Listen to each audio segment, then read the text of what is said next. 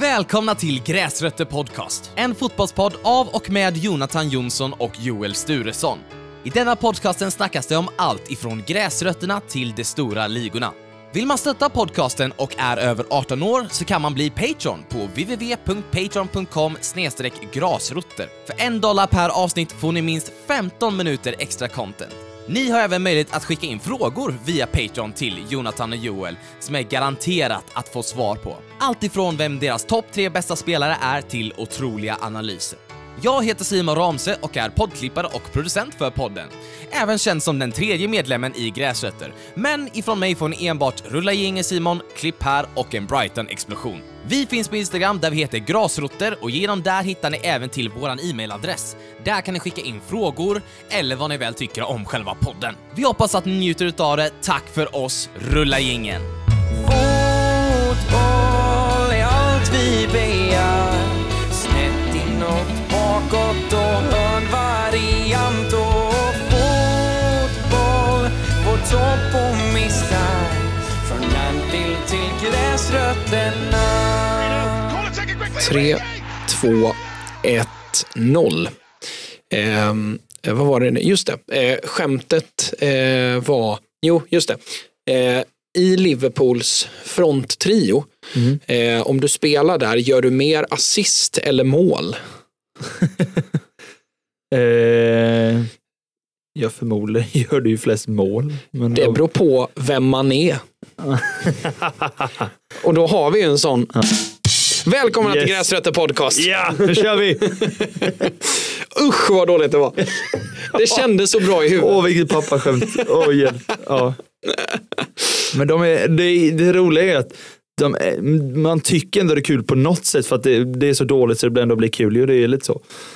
Smaken är som baken. Ja, men lite så. vad gäller skämt. Ja. Eh, så jag tycker att den är sådär, men när jag kom på den, det Ja. Mm. vill jag ändå säga, att det är säkert någon som har ett liknande skämt, men jag, jag kom på den för mig själv i alla fall. Ja. Ehm, när jag kom på den tyckte jag att det var skitbra, men det är ju Ja. fyra år sedan. Ja. Innan all pandemi och allting.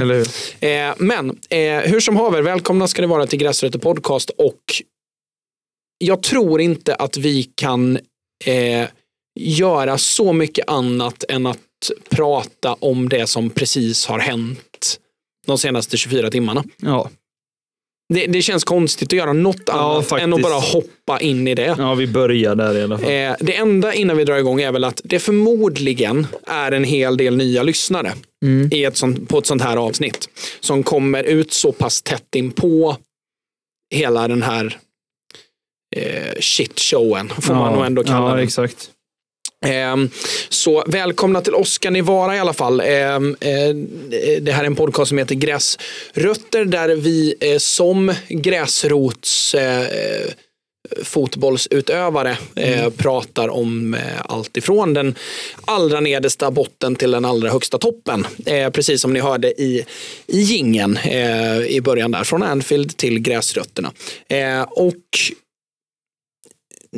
som sagt, eh, det har varit ett landslagsuppehåll så det passar ju bra så tillvida att det inte finns så mycket annat att prata om. Eh, och det lär ta ett tag att bena ut detta. Så eh, hur som haver så eh, ska vi dra igång med hela den svenska landslagssamlingen. Ja, precis. eh, någonstans. Eh, och vi eh, kom fram till att vi båda har sett Belgien-matchen. Mm. Ehm, och där får man väl ändå börja. Eller Ja, igen, egentligen det känns lite så. Man får ändå gå i, i ordning om man säger så. man får nästan börja allra längst bakifrån. Liksom, att ehm, Egentligen får man nog nästan ta Janne Andersson, punkt. Liksom. Ja. Hela hans session. Mm. För så här, vi kan backa bandet till 2016 då. Egentligen. Där Erik Hamrén är förbundskapten för landslaget. Och han har bedrivit ett utav de svagaste svenska landslagen på väldigt länge. Ja, verkligen. Eh, bortsett från en bragd i Berlin, bortsett från att man kvalificerar sig till EM 2012 och EM 2016. Så förutom det så är det rätt så nattsvart. Eh, för svensk fotboll ändå. Alltså titta på startelvan. Både resultatmässigt men, men också som du säger startelvan. Just vilka typer av spelare vi har. Det är ganska trå alltså, tråkiga spelare om man säger så. Det är liksom ingen, åh nu är jag taggad på att se när Elanga liksom showboatar på kanten eller liksom Isak liksom med sin spelstil och Kulusevski. Det är ju rätt mycket tråkigare spelare då. Så är det ju. Oavsett Eh, hur, om hur bra de är och allting sådär. Men ja, man, det är ju det, det är inte lika sexigt att snacka om Toivonen och Berg till exempel om man säger så. Nej, och till och med så att eh, eh, de spelarna som man var taggad på att se hette Alexander Kacaniklic som, Ja, var, som agerade eh, Starboy, eller up and coming Starboy och inhoppare i Fulham. Eh, Jimmy Durmas, eh, vilka var det mer som var spännande då? Eh, det var, Var det lite... Tobias Sana. Ja. Ehm, ni hör ju. Ja. Jäm, jämför med up and coming Starboys idag och Sverige är på en mycket bättre plats talangmässigt. absolut. Där är det Kamrén med det här tunga, eh, baktunga, eh, tråkiga Ja, Sverige så. Ja. försöker spela en Spanien-influerad fotboll i Mm. början i alla fall.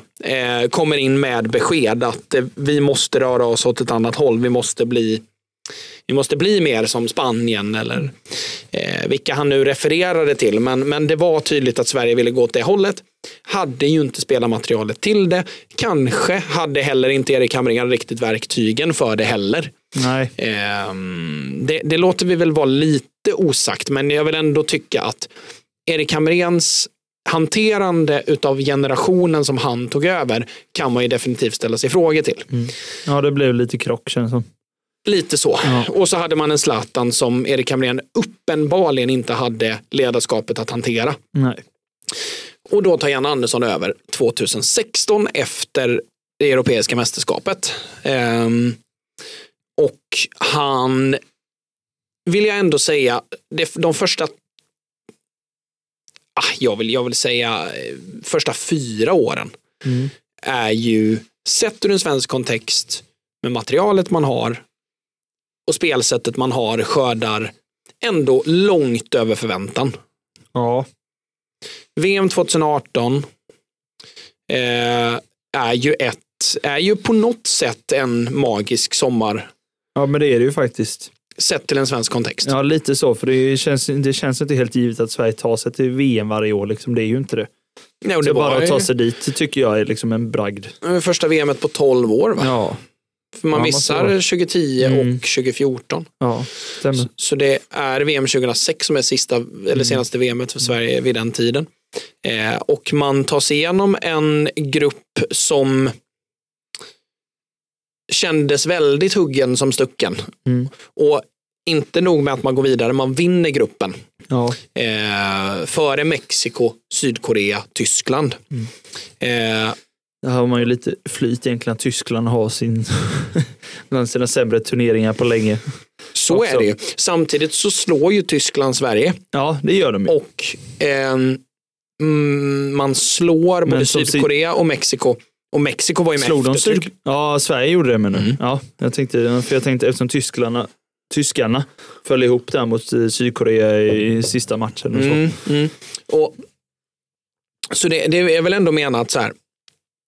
Bara där är det ju liksom shit, bra jobbat. Mm. För Mexiko var ju långt ifrån en lätt uppgift på förhand. Bra trupp, bra generation eh, som skulle in och springa röven av alla landslag. Liksom.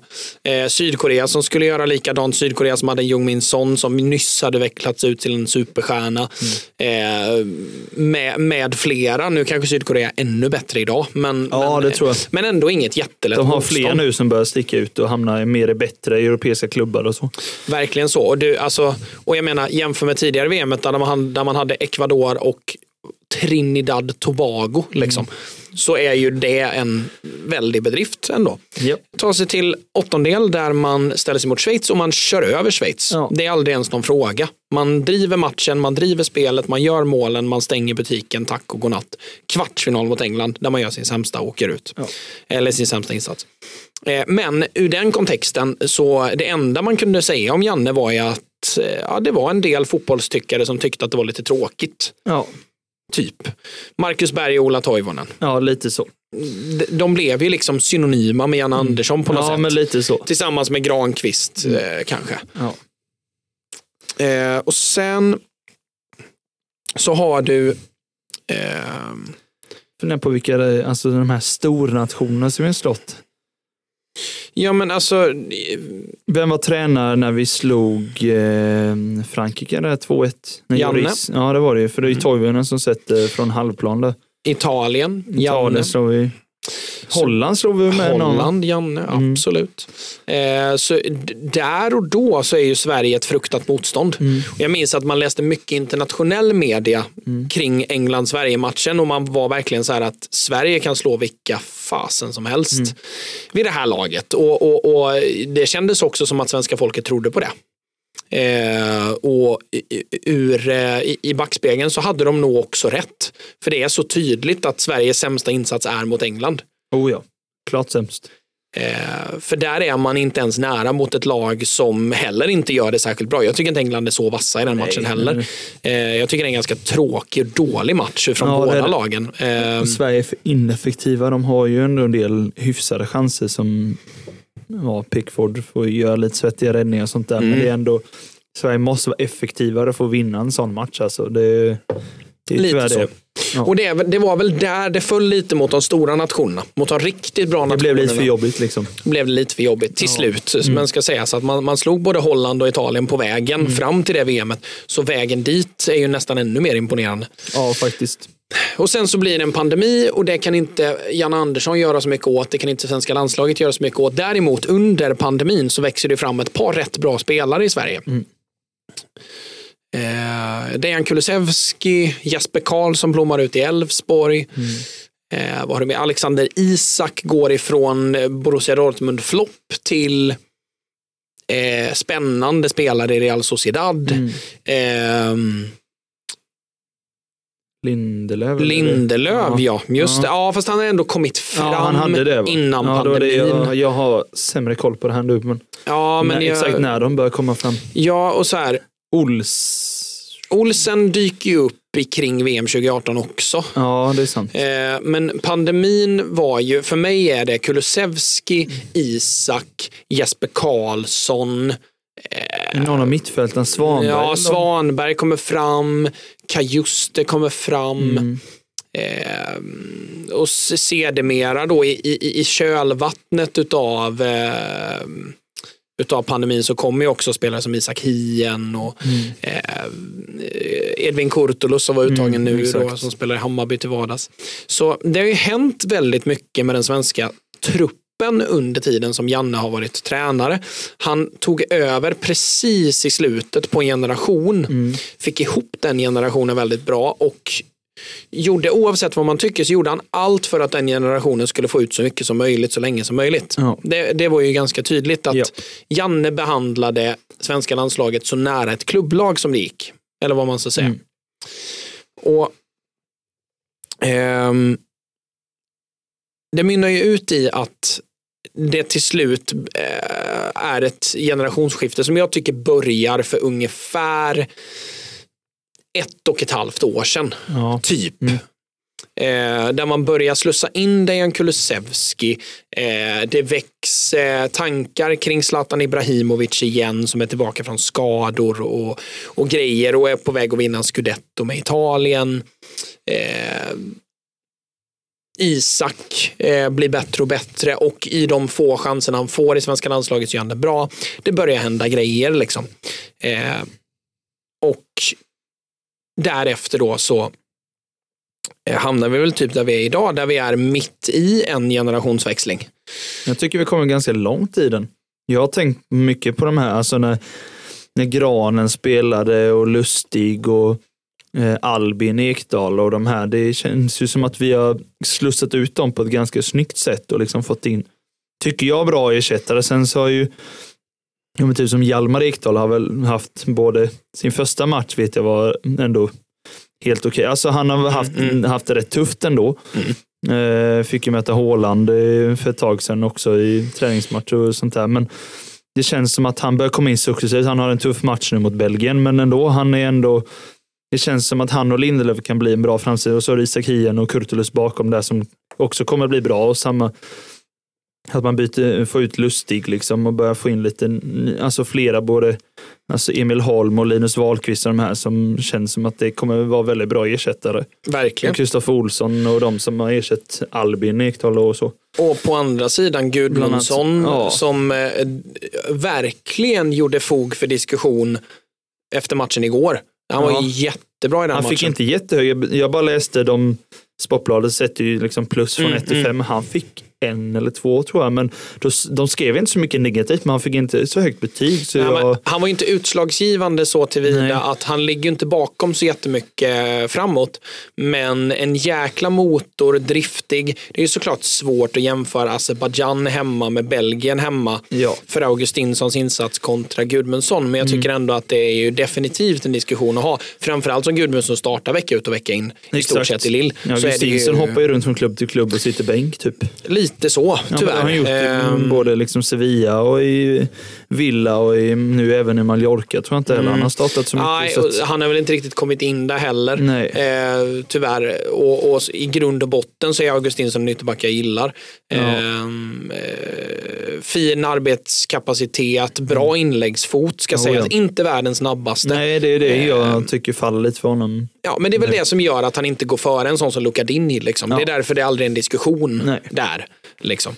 Eh, men jag eh, jag tycker att det är en generationsväxling som har gått ganska så precis. Alltså jag tror vi pratade om det bland det första vi gjorde i den här podcasten för Ja. snart två år sedan, eller ett och ett halvt, där vi, eh, där vi pratade just om generationsväxlingen och vi pratade om att det kommer ta tid och, och, och en, en landslagsgenerationsväxling i ett land som Sverige, som är, vi är så pass svaga att vi kan inte göra som Spanien. Vi kan inte slussa in och ut spelare för varje Nej, landslagssamling inte. och, och inte ta med Thiago till ett VM. Nej.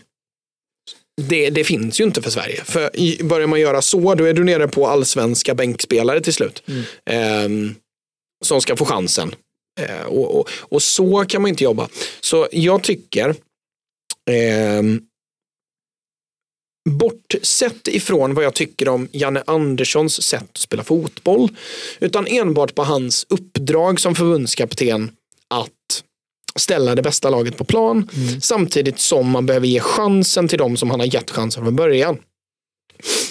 Där tycker jag att han har gjort det jättebra. Mm, jag håller med.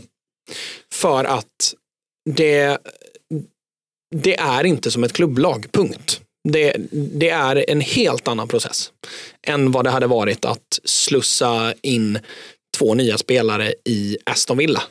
Ehm, för att då har du, då tar det två veckor eller tre veckor. Exakt.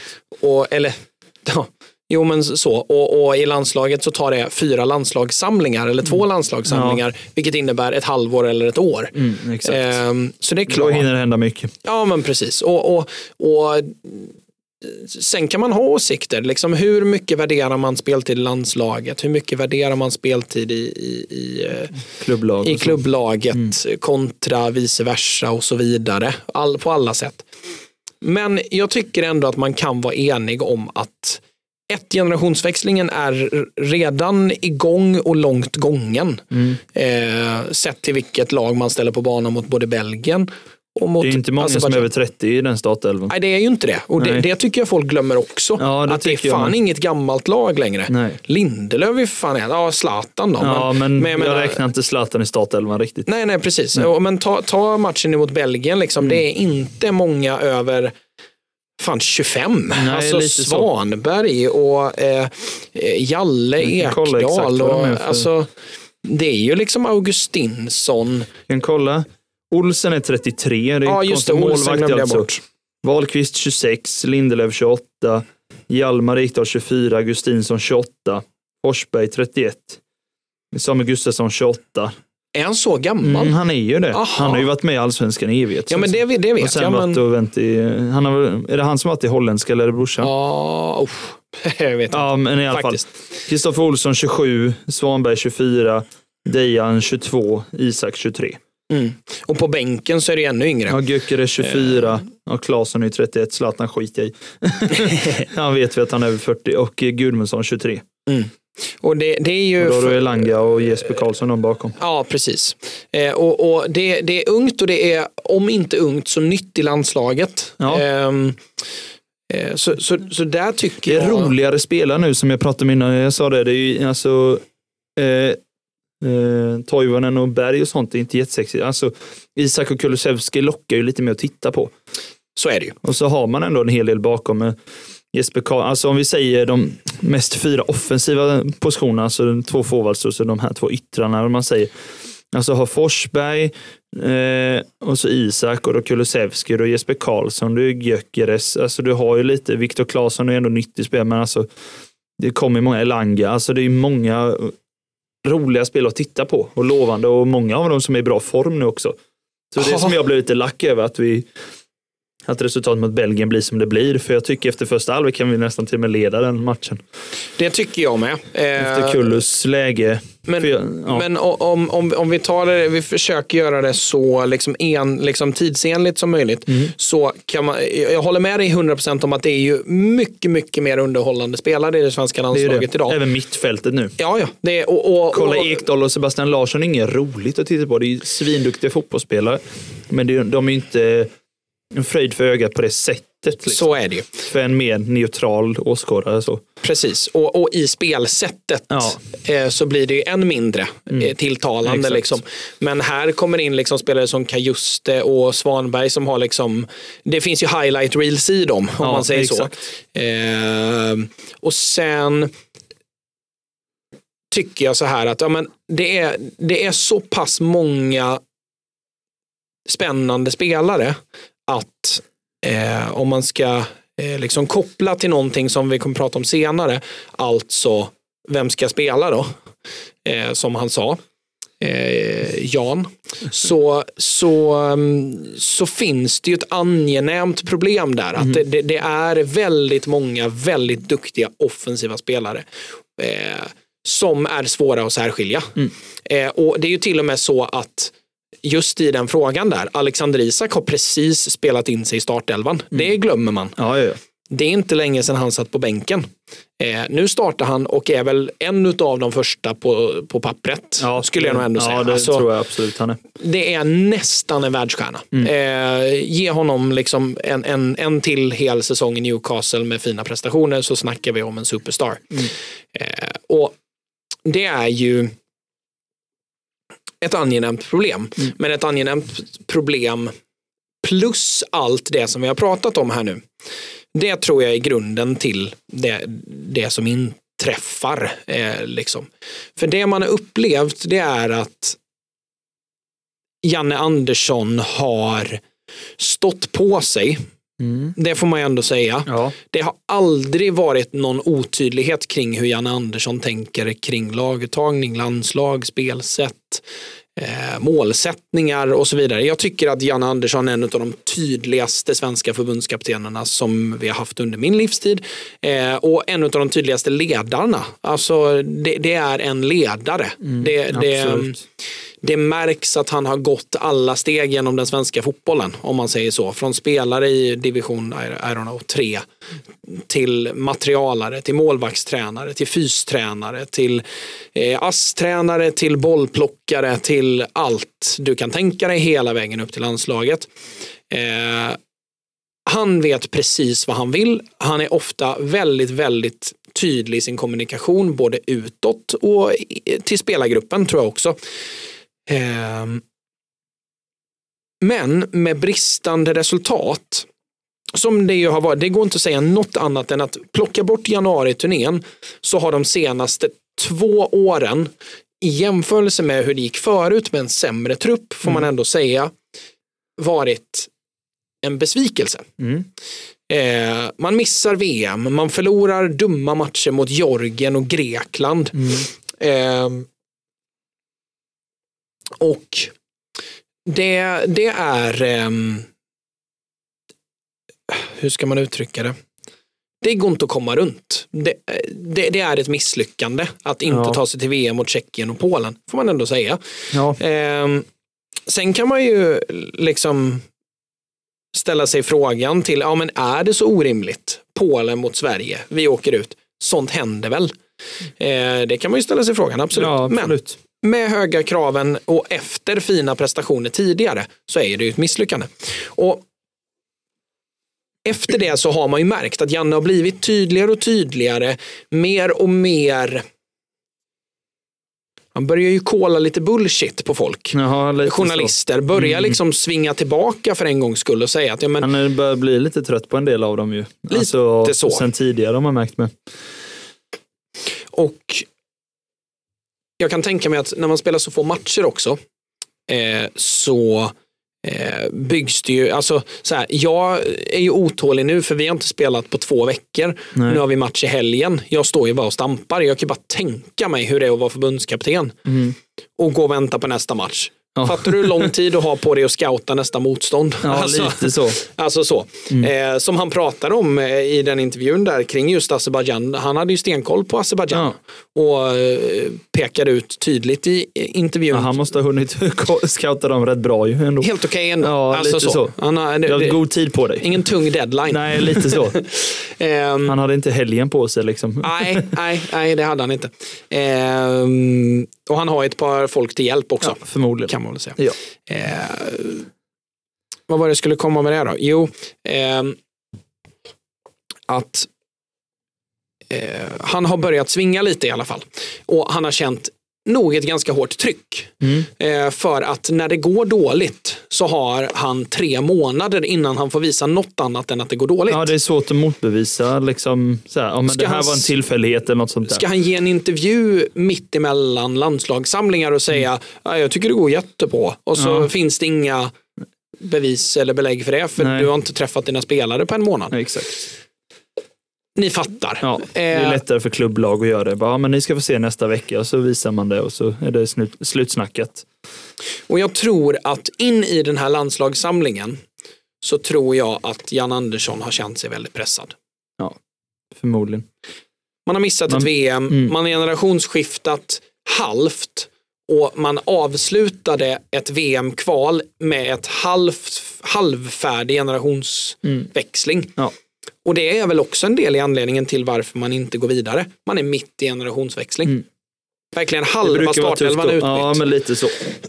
Ehm, och framförallt ett centralt mittfält som inte matchar resten av truppen överhuvudtaget. Det är väl där det brister rent spelarmässigt tycker jag. Ehm, som gör att det också är svårt att göra något annat än att försöka generationsväxla så enligt som möjligt. Så han kommer in under tryck. Och man börjar på hemmaplan mot Belgien, ett Belgien med ny förbundskapten, ett rejält misslyckande i VM, eh, eh, spelare, så, alltså Belgien är också i en sån fas nu. Ja, vi, vi, vi ja. pratade ju om det Ja, förra exakt. veckan, just den här truppen, att så här, fasen vad mycket nya spelare det är. Och mycket Eh. ganska, alltså tänker jag i alla fall, ganska oprövade Mm. spelare. De som är nya, några av dem känner man ju till. Någon spelar i Serie A och någon spelar liksom i Ligue Ö och sån här. Men det är inga så här som Belgien man tänker för några år sedan liksom hade liksom både bröderna Hazard och Lukaku och De Bruyne, Vertongen och Alleville när de var som bäst. Det är liksom, det var ju, det är ju helt annan Witzel och de här när de var liksom i sin prime. Mm, mm. Det är ju helt annat nu. Ja, det, det är det ju. Och, och um, till och med så att de som är inspelade och inskolade sedan länge i landslaget, med undantag för Kevin De Bruyne, det är ju spelare som Och antingen, Courtois kanske. Ja, Courtois Ja, då, ja. men ta till exempel en spelare som Lukaku Mm. eller Vertongen. Mm.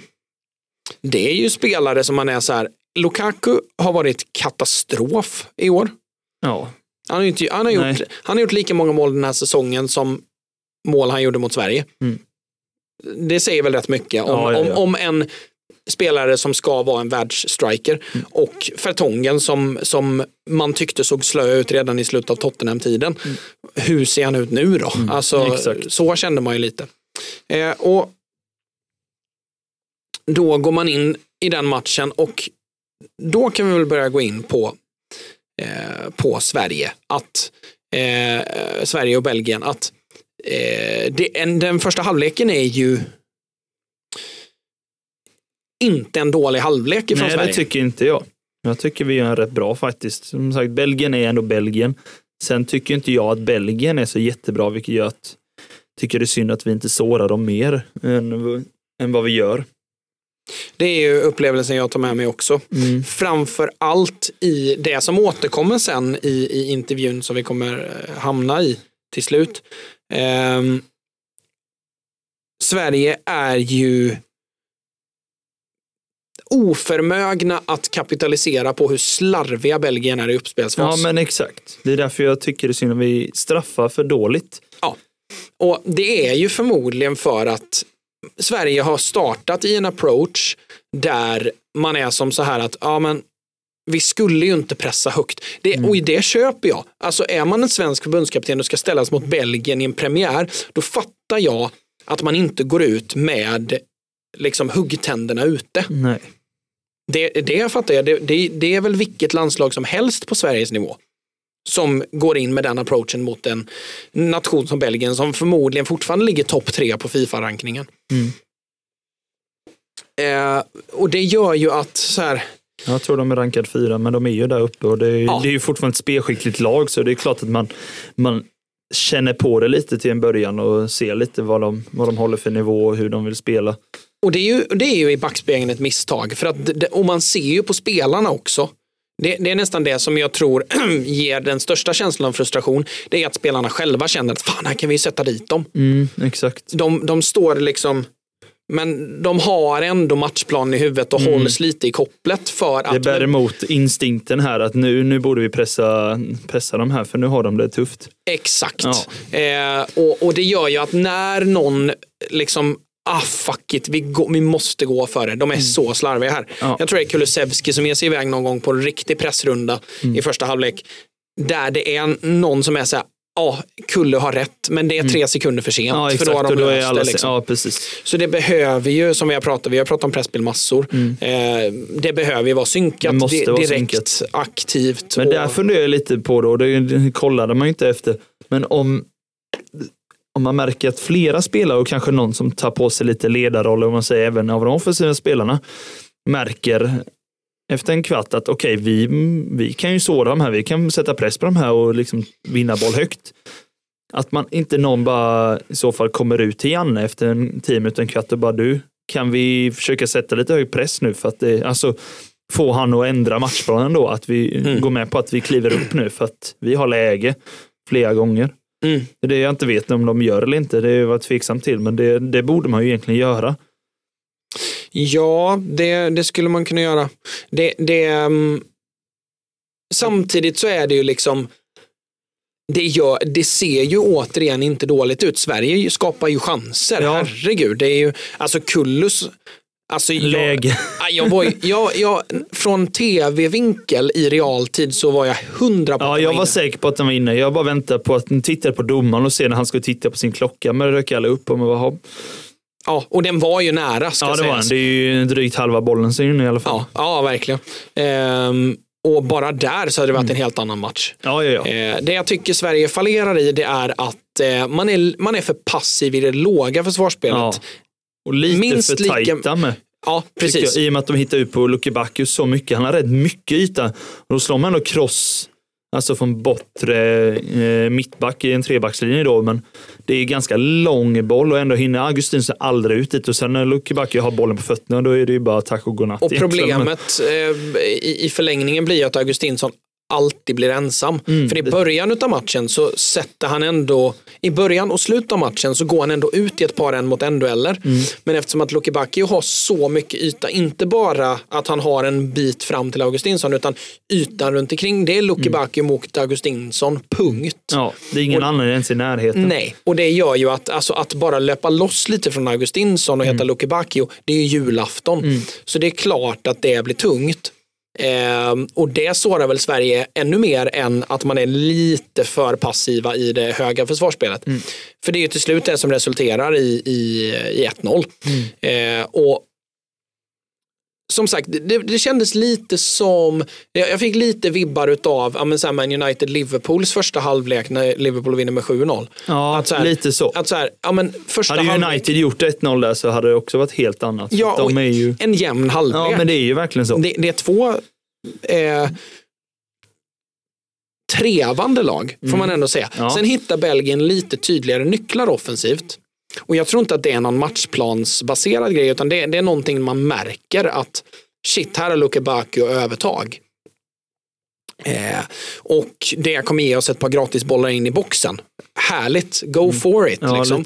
eh, och sen så är väl Sverige, ja, de är lite för tama i egen box också. Och, och det är klart. Ekdal och Lindelöf är ju inte de största mittbackarna, varken viktmässigt eller längdmässigt. Ja, alltså Ekdal är ändå liksom reslig. Och det, det, Ja. det som... Men det är ju inte en tung van Dijk-storlek om du förstår vad jag menar. Nej, så är det jag inte. menar, Nej, absolut. Lukaku så är det, det behöver man ändå ha lite den fysiken med. Så är det. Och det, det, det jag landar i med Hjalmar Ekdal som gör att jag tror att han kommer bli nästintill världsklass som han får allting på plats. Det är ju att det enda han saknar det är ju samma instinkter som han har offensivt. För offensivt så är han ju ett jävla hot på hörnor. Oh ja. är ju eh, liksom, eh, alltså det är ju den jag hade pingat bollen på i det svenska landslaget på en hörna. Oh ja. 100 procent. Han är vass, han är, vinner många i offensivt straffområde och har bra tryck i pannan och lyckas ofta hålla nere dem. Det är ju en jättekvalitet han har, men den, den infinner sig ju inte i defensiv box alls på samma sätt. Men han spelar i Championship i Burnley som nu spelar i en liga där det är mycket sådana situationer och nästa år kommer spela i en liga där de kommer vara så pass mycket sämre än sina motståndare att han kommer få känna på de situationerna vecka efter vecka efter vecka. Så jag tror att den miljön han är i nu kommer göra honom Kommer utveckla honom mycket. ruggigt stark. För det är inte mycket han saknar kvalitetsmässigt. Nej. Han ska spetsa lite på spetsen och fila lite på botten. Så har han en rätt bra båt att sitta i. Eh, liksom. Ehm, och den andra halvleken är ju återigen inte en katastrofinsats av Sverige heller.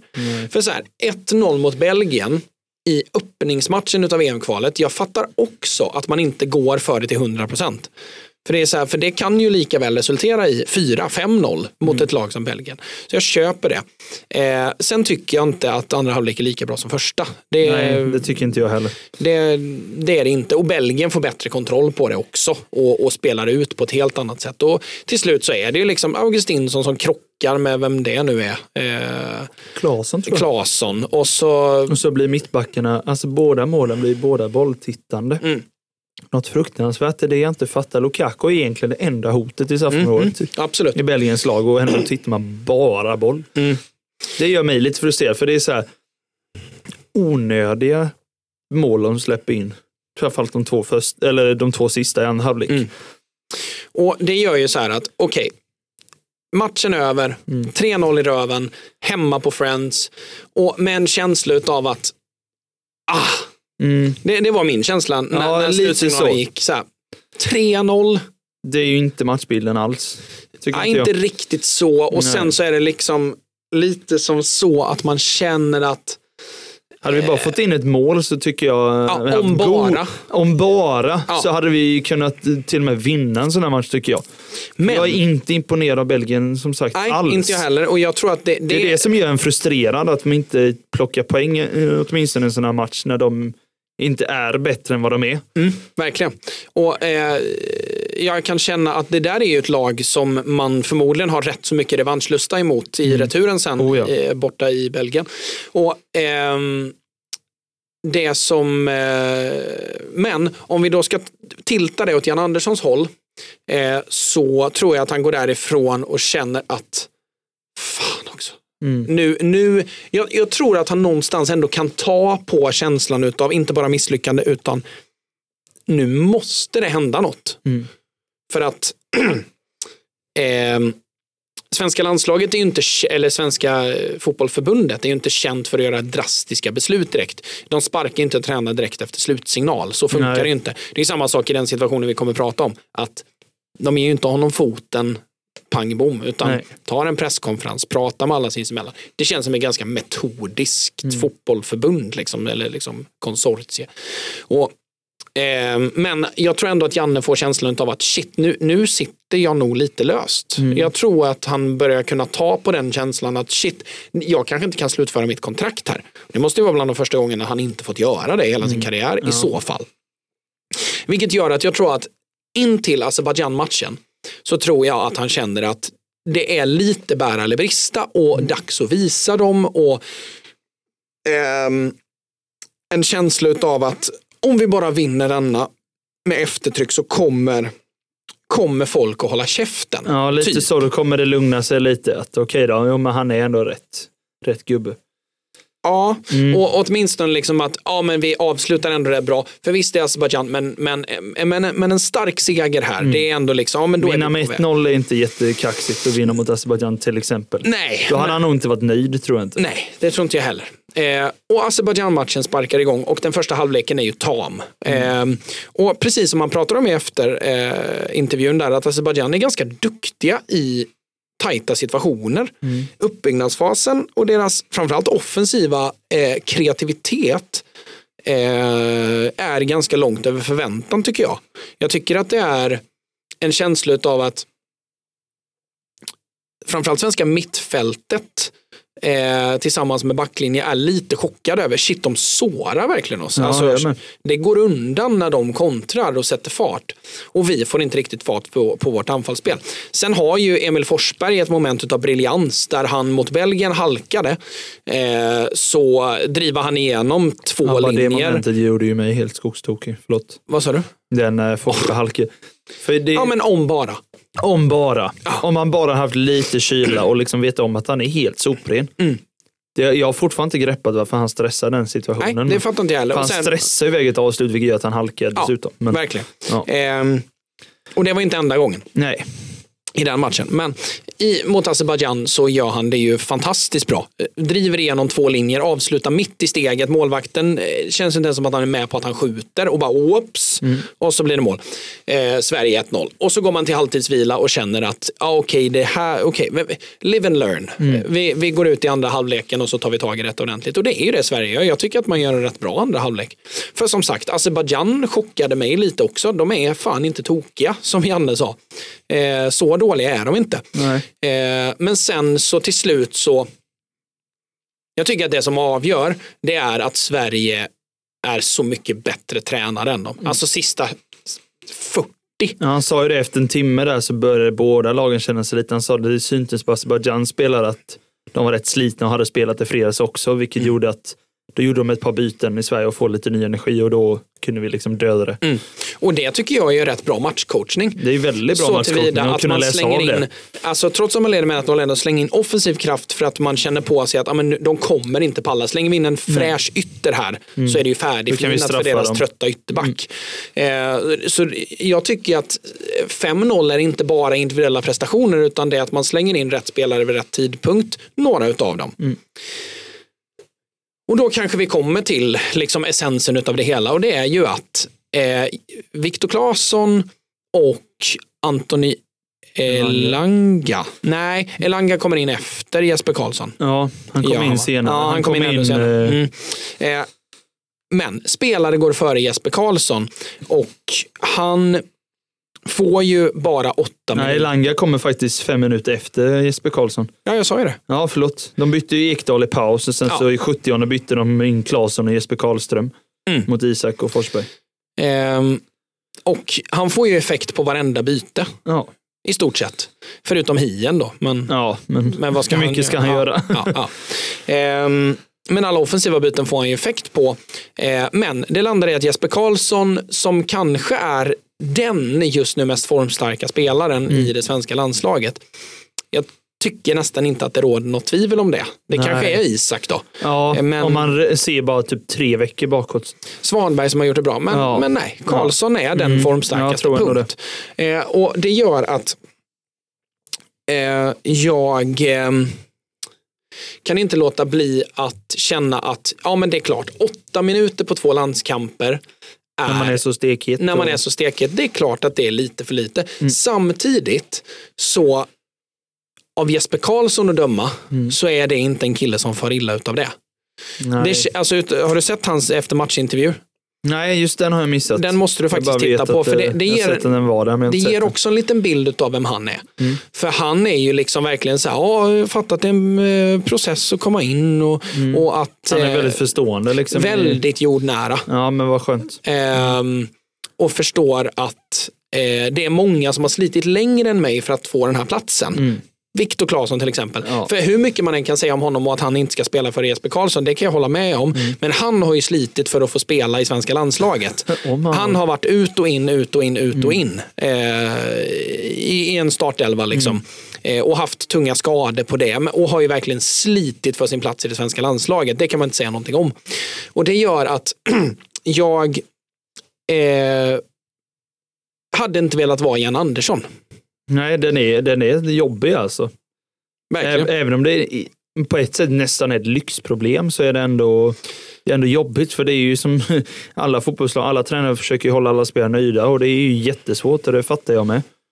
Ja, och det, det finns ju hundra s- exempel på det i både landslag och klubblag där det har kommit upp sådana situationer. Som Ma- Manchester City är väl det tydligaste exemplet på Ja. senare dagar. Mm. Just att yttrar går och yttrar kommer Mm. eh, och, och det finns inte plats för alla. Liksom. Eh, ytterbackar dessutom. Ja, ja. Eh, Så, så det, det, det är klart att eh, det är klart att det är ett lyxproblem som också kommer med en förbannelse över sig att väljer du inte rätt här så är det sjukt lätt att peka på att varför spelar inte den här spelaren?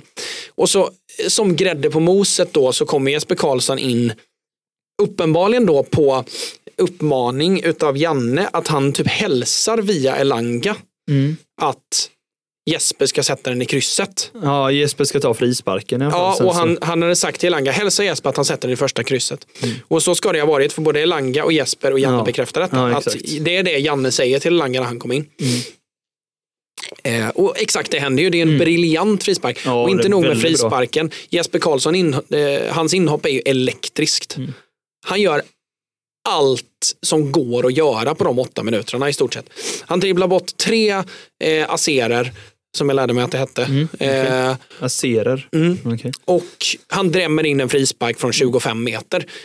Alltså vad mer kan du önska av ett inhopp? Det är ju helt Det är fenomenalt Mm. inhopp. Går inte att säga något annat. Elangas är också energifullt. Han får ju ännu mindre tid. Eh, och lyckas pressa in ett mål själv. Mm. Eh, så det är klart att eh, det är klart att man kan gå därifrån och känna att varför fick Jesper Karlsson bara åtta minuter? Både innan matchen och ännu mer efter matchen. Mm. Att bara, vad fan, åtta minuter och han spelar så här bra. Mm. Herregud. Eh, men tillbaka till Jan Andersson. Han har efter en känsla av långt tryck och frågetecken och fråge, ifrågasättande ifrån medier, från svenska folket och så vidare. Jag tror att efter den 5-0 och han som coach har satt in spelare som har gjort avtryck. Spelare som han har ifrågasatts kring har kommit in på hans bevåg och gör det bra. Mm. Så tror jag att han går därifrån och känner att jag tycker ändå att min match som coach här var ganska bra. Ja, matchcoachandet var ju väldigt bra. För att som du säger, de, de han sätter in gör ju liksom en, föränd- eller en positiv påverkan på både matchen och laget. Ja, och, Och det är ju det, det, är ju det som är poängen med byten egentligen, att de ska ge en positiv effekt. Var det, av olika anledningar liksom. Men, Och eh, det är ju en fight som inte går att vinna heller så tillvida att säga, ja, men säg att Janne hade satt in alla som folket hade pekat på och så hade man gjort en dålig insats och spelat 1-1 eller 1-0. Mm. Han skit för det så hade ändå. han ju fått skit för hur dålig han är på den moderna fotbollen och eh, hur exakt. dåliga Sverige är på att spela och så, och så vidare. Och så, vidare. Eh, så han går nog ifrån den matchen, ifrån sidlinjen och känner att där satt den. Mm. Så ja. Mm, lite så. Vad härligt. Och inför svenska folket, på hemmaplan, på Friends, fullsatt. Det kan ju inte bli bättre avslut i alla fall. Vad skönt, nu kommer vi in med fart in i nästa samling som är i juni. Och det är ett enkelmöte mot Österrike eh, i juni. 20 tror jag. Okej. Eh, Kan nog stämma. Mm. Ja, men jag är rätt säker på det. Mm. Och då, eh, då kommer han till Viasat-studion. Mm. Och då hoppar vi över till Viasat-studion tycker jag. Mm. För att Viasat-studion tog över nästan direkt in på slutsignal som, som vanligt. Eh, det står fyra stycken, eh, eller som, som Janne sa, tre stycken före detta fotbollsspelare och en före detta innebandyspelare. Mm. Hur som haver så har de tittat på matchen, dissekerat den och pratat om ganska mycket innan Janne kommer på plats. Mm. Så kan man väl säga det. Ja. Ehm, och det gör att eh, man hinner prata om Anthony Langa, man hinner prata om eh, Zlatan Ibrahimovic skada, man hinner prata om Isak Hiens inhopp, man hinner prata om i stort sett hela matchen, inklusive Jesper Karlsson, med intervju utav Jesper Karlsson innan Janne ens är i studion. Och där tycker jag en av nycklarna ligger. Att när Janne kommer dit så har han ju ingen aning om vad som har pratats om innan. Nej. Utan han går dit och ska göra en kort intervju efter matchen. Eh, och han är full av eh, känsla av att såja. Där Ja, men den. lite så. Han, han, är, han är glad i hågen liksom. Och kommer in där och med allt detta som har pratats eh, så frågorna som ställs till honom eh, är ju, många av dem syftar ju på vad de har pratat om innan. Mm. Det är inte så att de slänger en, en fråga från tomma luften eh, till Janne som de inte har etablerat innan utan det är ju återkopplingar till vad som har nämnts tidigare. Mm. Och se lite vad hans synpunkter och, och tankar är på det vi har diskuterat. Liksom. Exakt. Eh, och det gör ju att många av frågeställningarna eh, jag ska försöka hålla det så neutralt som möjligt. För så här, frågeställningarna som jag sa i, i, i mitt TikTok-klipp, alltså frågorna skriker ju inte Sverige vann med 5-0 mot Azerbajdzjan. Nej.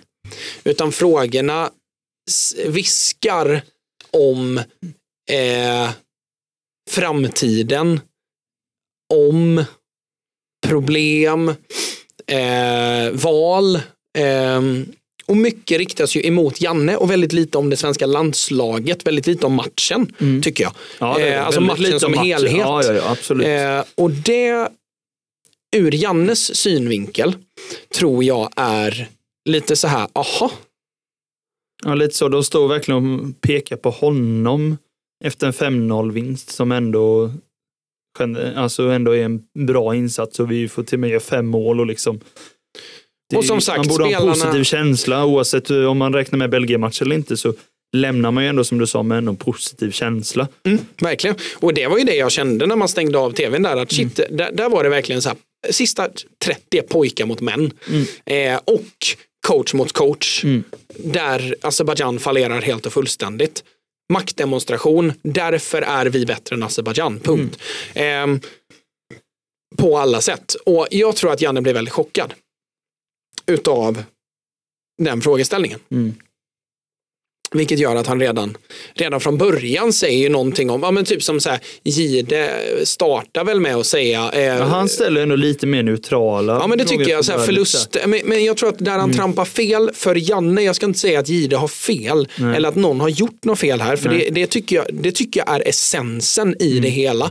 Det är att jag tycker att det är väldigt få som gör objektiva fel. Mm. Är du med på vad jag Ja, menar? jag att så här, förstår. det är ing, det, det, jag tycker inte att det finns en bov utan det finns mycket som går fel, men jag tycker inte att det är någon som gör jättemycket fel. Nej. Eh, objektivt och ord, ordagrant så tycker jag inte det. Eh, sen, eh, men Jihde Stelli, han säger någonting med att förlustsviten är bruten eller någonting sånt. Och då reagerar Janne på det och då menar han på att, ja men, eh, vi spelade januari-turné, har ni glömt det? Mm. Och visst, det var träningsmatcher, men vi vann ju dem. Mm. Ehm, så. Eh, och även träningsmatcherna innan januari, för, eh, januari-turnén vinner man ju också. Alltså de träningsmatcherna som leder upp till VM. Eh, som man inte spelade. Och, och han menar på att ja, men vi har vunnit fem av de sex senaste. Belgien var den enda förlusten. Och det, han har ju rätt i sak. Ja. Och det är, ju, det är ju så han måste tänka, för han är förbundskapten och spelar två, Ja, han kan ju inte två skita i matcher varannan träningsmatcherna och månad. inte räkna dem. Nej, det går ju inte. Går ju inte. Nej. Eh, men jag fattar också att man som Viasat Studio, Mm. här är det ju tävlingsmatcher som är i fokus Mm. såklart. Så återigen, ingen har gjort fel här. Nej. Och Janne spelar med hjärtat ute på, utanpå kroppen och det kommer vi ju tillbaka till. Ja. Och ehm, i Viasat-studion där då så känns det som att intervjun börjar leda mot till slut och Janne är eh, lite, lite så här han är lite offensiv, eller Mm. defensiv ska jag säga. Ja. Han är lite sådär försvarar fortfarande, Mm. eh, pratar och svarar på frågorna som att de fortfarande inte är övertygade om hans kompetens. Mm. Det, så säger Han känner sig mer ifrågasatt än han tycker att han behöver vara. Ja, lite så. Mm. Eh, Snyggt sammanfattat. Och det, det gör väl att jag tycker att sättet de lämnar över det till Bojan också Mm. är verkligen så här. Och nu till Bo Alltså, det, det är verkligen och nu. Bojan, du hade något viktigt att säga. Var det Ja. verkligen, och jag var så här, när jag, när jag inte hade sett det innan, för jag kollade på klippet idag. Så bara, Bojan, du hade något att säga. Han bara, va? Inte, oj, nu har de verkligen så här teamat, alltså, teamat ihop sig till någonting. Att Bojan, nu ska du framföra någonting här som sågar lite. Han var inte riktigt beredd på det. Sen, ja ah, just det, ah, just det, jag ska Mhm. klaga på Jesper Karlsson, så var det. Lite så var ju känslan, så då blev man lite så här, aha. Det var inte särskilt smooth att lämna över som du sa. Nej, men det var det ju inte. Det, blir- det, det är verkligen Det låter verkligen som vi, de har pratat ihop sig om att nu ska vi såga dig om Jesper Karlsson. Ja, precis. Eh, och, och, och, um, jag kommer komma tillbaka till det igen. Jag tycker inte att det är fel att ställa den frågan. Nej. Eh, Skillnaden är väl hur man svarar på det Mm. och, och sen hur man agerar när man märker hur ens medmänniska som ändå är Janne Andersson Mm. reagerar på det. Ja. Eh, för det som händer är ju att han ställer Jan Andersson ändå mot väggen Mm. eh, och säger ju liksom eh, liksom faktan. Mm. Åtta minuter på två matcher. Mm. Eh, och som vi har nämnt innan, det är klart att det kunde varit mer. Mm. Det är klart att han kunde bytt in Jesper Karlsson före. Ja. Elanga. 82 ja, minuter. exakt. Eh, absolut. Eh, men sättet som Janne reagerar på är en överreaktion. Ja, Det ska jag säga. Ja, det, det, det fin- det finns inget tvivel om det. Det är en överreaktion och jag tror inte riktigt Jag tror bara en bägare rinner över för han verkligen. Att han, som du säger, han fått press på sig och tryck och liksom kanske fått de här frågorna lite sen innan och vet om att det är mycket frågor om typ det. Jesper Karlsson, i och med att han är i så bra form och spelat. Så, alltså, jag tror att han har känt så mycket innan, så det här när Bojan bara pff, går på han så, då tror jag verkligen det, det bara rinner över emotionellt. Liksom. Och eh, jag tycker även ifrån en tittares perspektiv att det, det tar en liten stund att se att det verkligen berör honom. Mm. Det är ju inte förrän liksom gestikulering, eh, liksom gestikulerandet startar som man är så här, Ja. oj okej, Okej. det här tog hårt. Mm. Eh, och både Bojans och studion som helhets förmåga att fånga upp det, snappa upp det. Ja, och känna, läsa ja, av det. läsa av det. Mm. Eller så är det så att det kanske inte är intressant. Nej. För att media är ju samtidigt så här, de är inte där för att vara bästa kompisar med Janne. Nej.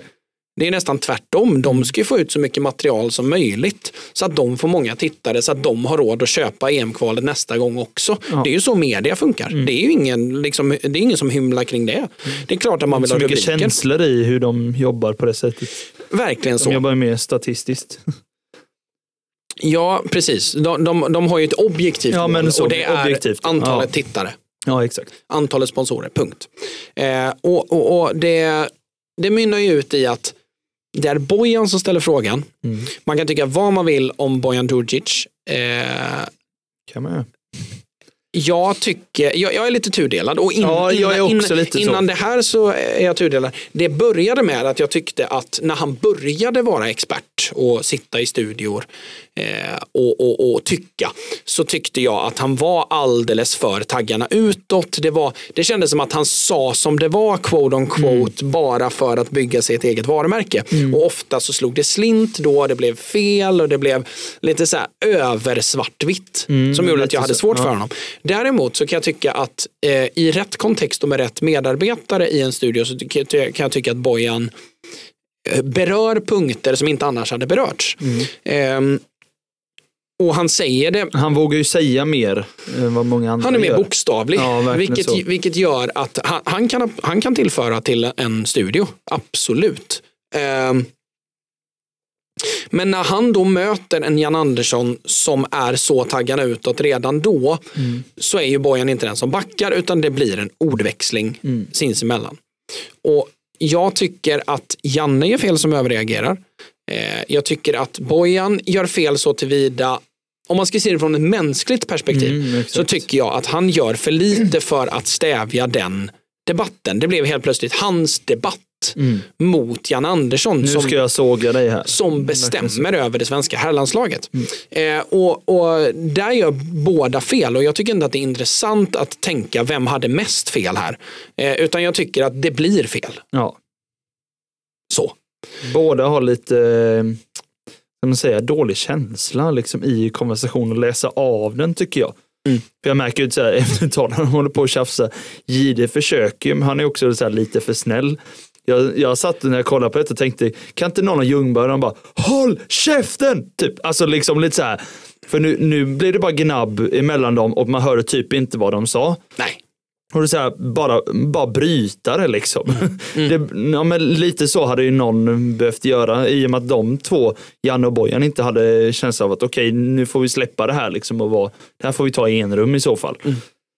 För att det, till slut så blev det inte en saklig utan nu blev det bara vem som kunde liksom kontra bäst. Hade Holmgren varit där så hade han sagt det är gurgel. Ja, Alltså det, det var gurgel. Ja, det var är det. definitionen av gurgel. exakt. sinsemellan och så Gide och där var ju verkligen så här, det här är fel moderator för detta. Ja, lite så. För ser du att han står med fucking time-out-tecken? Ja men herregud. Killar, time out nu, lugna er nu. Gud Sådär. Niklas, alltså det skriker ju så mycket innebandy, ursäkta.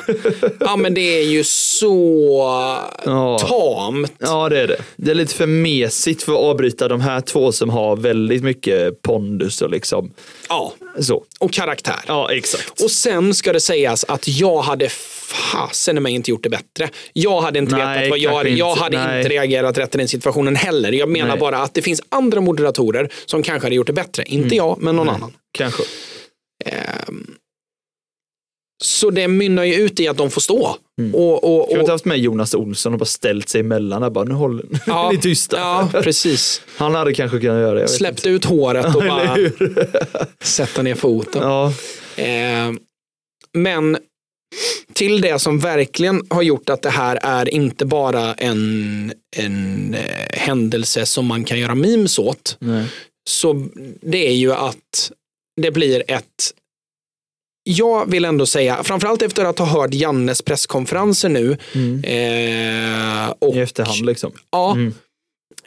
eh, även idag då. Mm. Jag tittade faktiskt på hela på, på min rast, Mm. presskonferensen. Eh, där, där det märks att det här har tagit honom hårt. Mer om, Ja, det. sen, mer, mer om det senare. Eh, det är ju när eh, Bojan efter ett tag, hans kontenta utav detta är ju att ett, ja, alltså många i Sverige tycker ju att Jesper Karlsson ska spela mer. Mm.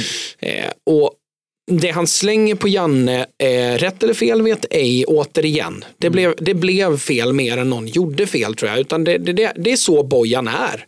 Eh, och det måste han få vara också någonstans. Man måste ha en förlåtande inställning till människors sätt att vara. För Mm. jag, tror, jag tror inte att Bojan går in dit och tänker att jag ska sabba för Janne Andersson. Nej. Jag tror inte att det är hans inställning. Jag tror inte Han att vill det bara är... veta hur han tänker som han själv är tränare och liksom, han vill vara lite svenska folkets röst just där Ja. i den här frågan.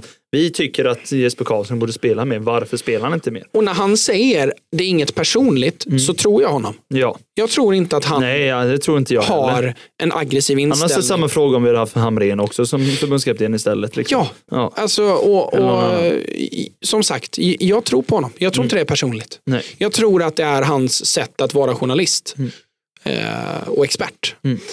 Eh, och då så säger han någonting, där han, eh, någonting i stil med att du representerar ju 10 miljoner människor. Mm. Du borde lyssna på det svenska folket. Jag, jag, jag kan inte citera Ja, det där för jo, jag har inte det exakt näst- det. ja. Det är i de svängarna Mm, i alla fall.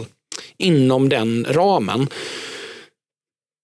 Och då uppfattar Janne, Janne det och tänker att oj, det var ju lite framfusigt sagt. Mm. Eh, vad då ska jag ha i åtanke vad alla i Sverige tycker? Mm. Eh, och, och, och, och, liksom liknande sätt att frågeställa har han ju hört tusen gånger innan. Vilket gör att där ställer han motfrågan, och vad representerar du då? Mm. Och då säger Bojan, eh, jag representerar Sverige. Mm. Och, Det blev ju fel också. men det är återigen, det blev fel. Ja. För att, För det är ju inte det Janne menar, för nu börjar det börjar ju låta rasistiskt om man ska tolka det så. precis. Och det är ju inte alls det Janne menar och det fattar man ju egentligen att han inte gör. Alltså det, det som är det luriga är att alltså inte bara att det blev fel där och att det kan tolkas som rasistiskt. För som sagt, vi kommer tillbaka till det alldeles strax. Jag köper att folk tolkade det som rasistiskt. Det sätter jag mig inte emot. Men Janne Andersson tolkade så här. Framförallt efter presskonferenserna nu. Där man också vet att Janne är en överärlig människa. Och det är ju det som gör att han hamnar i denna situationen från första början. Ja. Han är glasärlig hela tiden. Han, han hymlar inte med någonting. Nej. Precis som Bojan, fast Bojan gör det på ett annat sätt. Och Det gör att han menar ju då Ja, men om du menar att jag representerar 10 miljoner människor så menar du att jag är förbundskapten över ett fotbollsland. Och då frågar han vad representerar du? Och det jag tror att Janne förväntar sig är ju att Bojan ska svara någonting i stil med jag representerar Viasat eller jag representerar fotbollsexperter eller tv eller media eller vad det nu kan vara i de svängarna. Men han, säger, han tolkar det ju som att Vilket eh, land Vilket land Som representerar jag du? representerar svenska fotbollslandet. precis. Ja. Eh, och då svarar han ju Sverige och sen börjar det Ja. snurra. Där, är det, där blir det verkligen jobbigt att titta på. Det tycker jag i alla fall. ja, jag håller med. För, för där är det ju verkligen som så här. Att Bojan drar den slutsatsen. Återigen, jag köper det. Mm. För att Bojan Djurdjic är en kille som förmodligen har utsatts för, likt Zlatan, Mm. rätt mycket rasism Mm. i sina dagar. Som spelare, som journalist, som människa, som expert och så vidare. Han har säkert upplevt detta på nära håll tusen gånger. Där han känner att det finns en systematisk illvilja, rasistiskt motiverat, mot honom. Eh, och det, det, det, det förstår jag. Och när han hör någonting i de banorna så förstår jag att han drar den slutsatsen. Nu går han ju lite i försvars... Ja, precis. Och har man dragit den slutsatsen Mm. med den bakgrunden så förstår jag att han blir offensiv Mm. och vill sätta Janne på plats. Mm. För om Janne menar det så, Mm. Och Då är det illa. då är det illa. Mm. Och det är ju så Bojan tolkar det. Mm. Och han går rakt emot honom och, och sätter honom, gör det snyggt också. Mm. Han är lugn. Vilket han ska ha heder för, för han hade kunnat bli ännu argare där. För om han tolkade så, så hade det är ju inte långt till att börja svinga. Liksom. Nej, lite så. Jag tycker att han gör det bra utifrån att han tolkar det så. Han håller sig lugn och sätter hårda knivar mot Janne Anderssons hals, ordligt. Och ehm, det gör ju till slut då att Janne någonstans fattar där att oj då. Nu blev det fel. Eller hur? Och nu han- missförstod du mig här. Och han är ju så jävla arg. Att jag tror att det slutar med att shit, det blev ju jättefel. Det var ju inte alls så jag menade. Eh, men jag är så arg nu att jag, har, jag kan inte vända jag, detta. jag har inte energin och lugnet för att vända det här rätt. Jag har inte nyckeln till ordförrådet nu. nej, jag tappade så. bort den ilskan. Ja, lite så. Som gör att de, det slutar ju bara med att de står och stirrar på varandra. Mm. Och det, det gör att så här, ja, det blir ju en konstig situation och då börjar Jihde med de här jävla timeout-tecknen. ja, Lugna er nu, nu pojkar. Ja, ja. Janne och Bojan. Janne och Bojan. Ja. Ehm, och det, det mynnar ju ut i till slut att Janne går. ja, Från vet- studion. Ja, ja men precis. Mm, och, och, och det gör ju att när han sen när han sen lugnar sig från det och märker att okej, men jag måste lämna Bojan där. För säger jag någonting mer där så kan det spirala ännu mer. Mm. Ja, för Bojan, så. nu har han uppfattat att okej, Bojan tolkade det så. Fuck. Mm. Vad gör jag nu? Ja, då tar vi en fråga ifrån studion så kan jag rikta klart min ilsa, ilska på studion. Mm. Resten av eh, liksom de medverkande, Fredrik Ljungberg, Mm. eh, Sebastian Larsson och Niklas Jihde. Och säga att vi har vunnit med 5-0 och det enda ni gör är att eh, kritisera mig. Mm. Och det är ju inte sant. Det, är, det, var inte, det var inte bara det de gjorde. Nej. Men återigen, frågorna och diskussionen skrek inte Sverige vann med 5-0. Nej. Och det mynnar till slut i, efter en timmes diskussion, att shit vad fel det blev. Ja, verkligen. Eh, Det är verkligen hur man tolkar varandra och man märker ju som sagt ordval. Som typ då när Janne bara, vad representerar du? Hade det varit, en, hade det varit Ljungberg som har frågat detta hade det förmodligen inte vinklats åt det hållet och liksom mynnat ut, nej, mynnat ut på det sättet. Och liksom de, ja men det, det blir ju bara fel på grund av ov- ordvalen när känslorna tar över. Det vet man ju själv som person när man blir arg eller frustrerad, både på och utanför en fotbollsplan, att där blir ordval, ordvalen ofta fel för att man hinner inte tänka liksom. Jag tänker lite så här. Eh, jag tänker så här.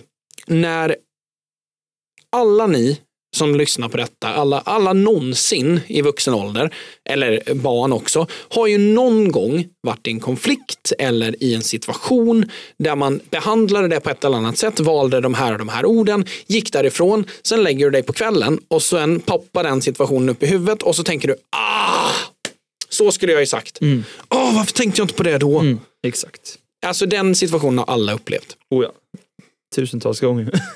Ja, men så Ja, är det ju. I, I både mer eller mindre hetska situationer. exakt. det kan ju till och med vara i lugna situationer, Ja. alltså där, man, där man ändå ska vara rapp. Ja. Eh, att man tänker, ah, varför sa jag inte det? Eh, det var nog Janne och Bojan, Mm. gånger tusen, igår. ja. Vilket gör att jag känner så här. Summa summarum av allt. Jag tycker inte att det finns en bov här. För att så som Janne har tagit detta. Jag tänkte framförallt på presskonferensen. Eh, så här. Så som Jan Andersson behandlar den presskonferensen.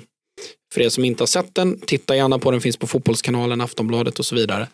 Eh, och titta gärna på hela. Mm. Han är han är så ångerfull. Mm. Det märks. Och, han, och det är inte så här ångerfull i att ja, men man har alla sett folk be om ursäkt som förlåt, förlåt, förlåt, förlåt, förlåt.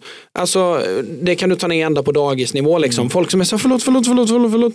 Eh, och liksom desperata och det, det lyser igenom en desperation av att snälla tyck om mig. Det var alltså Det blev bara fel, förlåt. Det, det blev bara fel förlåt, alltså panikförlåtet liksom att shit, gilla mig.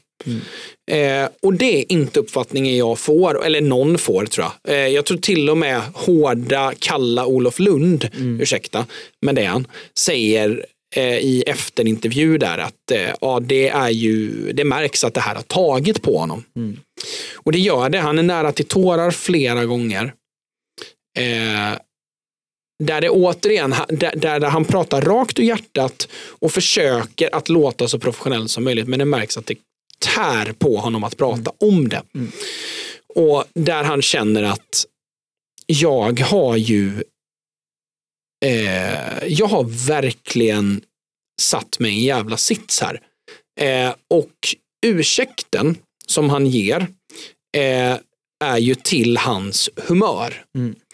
Eh, samtidigt som han är extremt tydlig.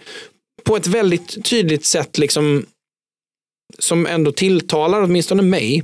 Att så här, ja men det var, det var, det fanns ingen mening med någon form utav ursprung, härkomst, rasism gentemot Bojan. Nej. Jag menade vad han representerar professionellt. Mm.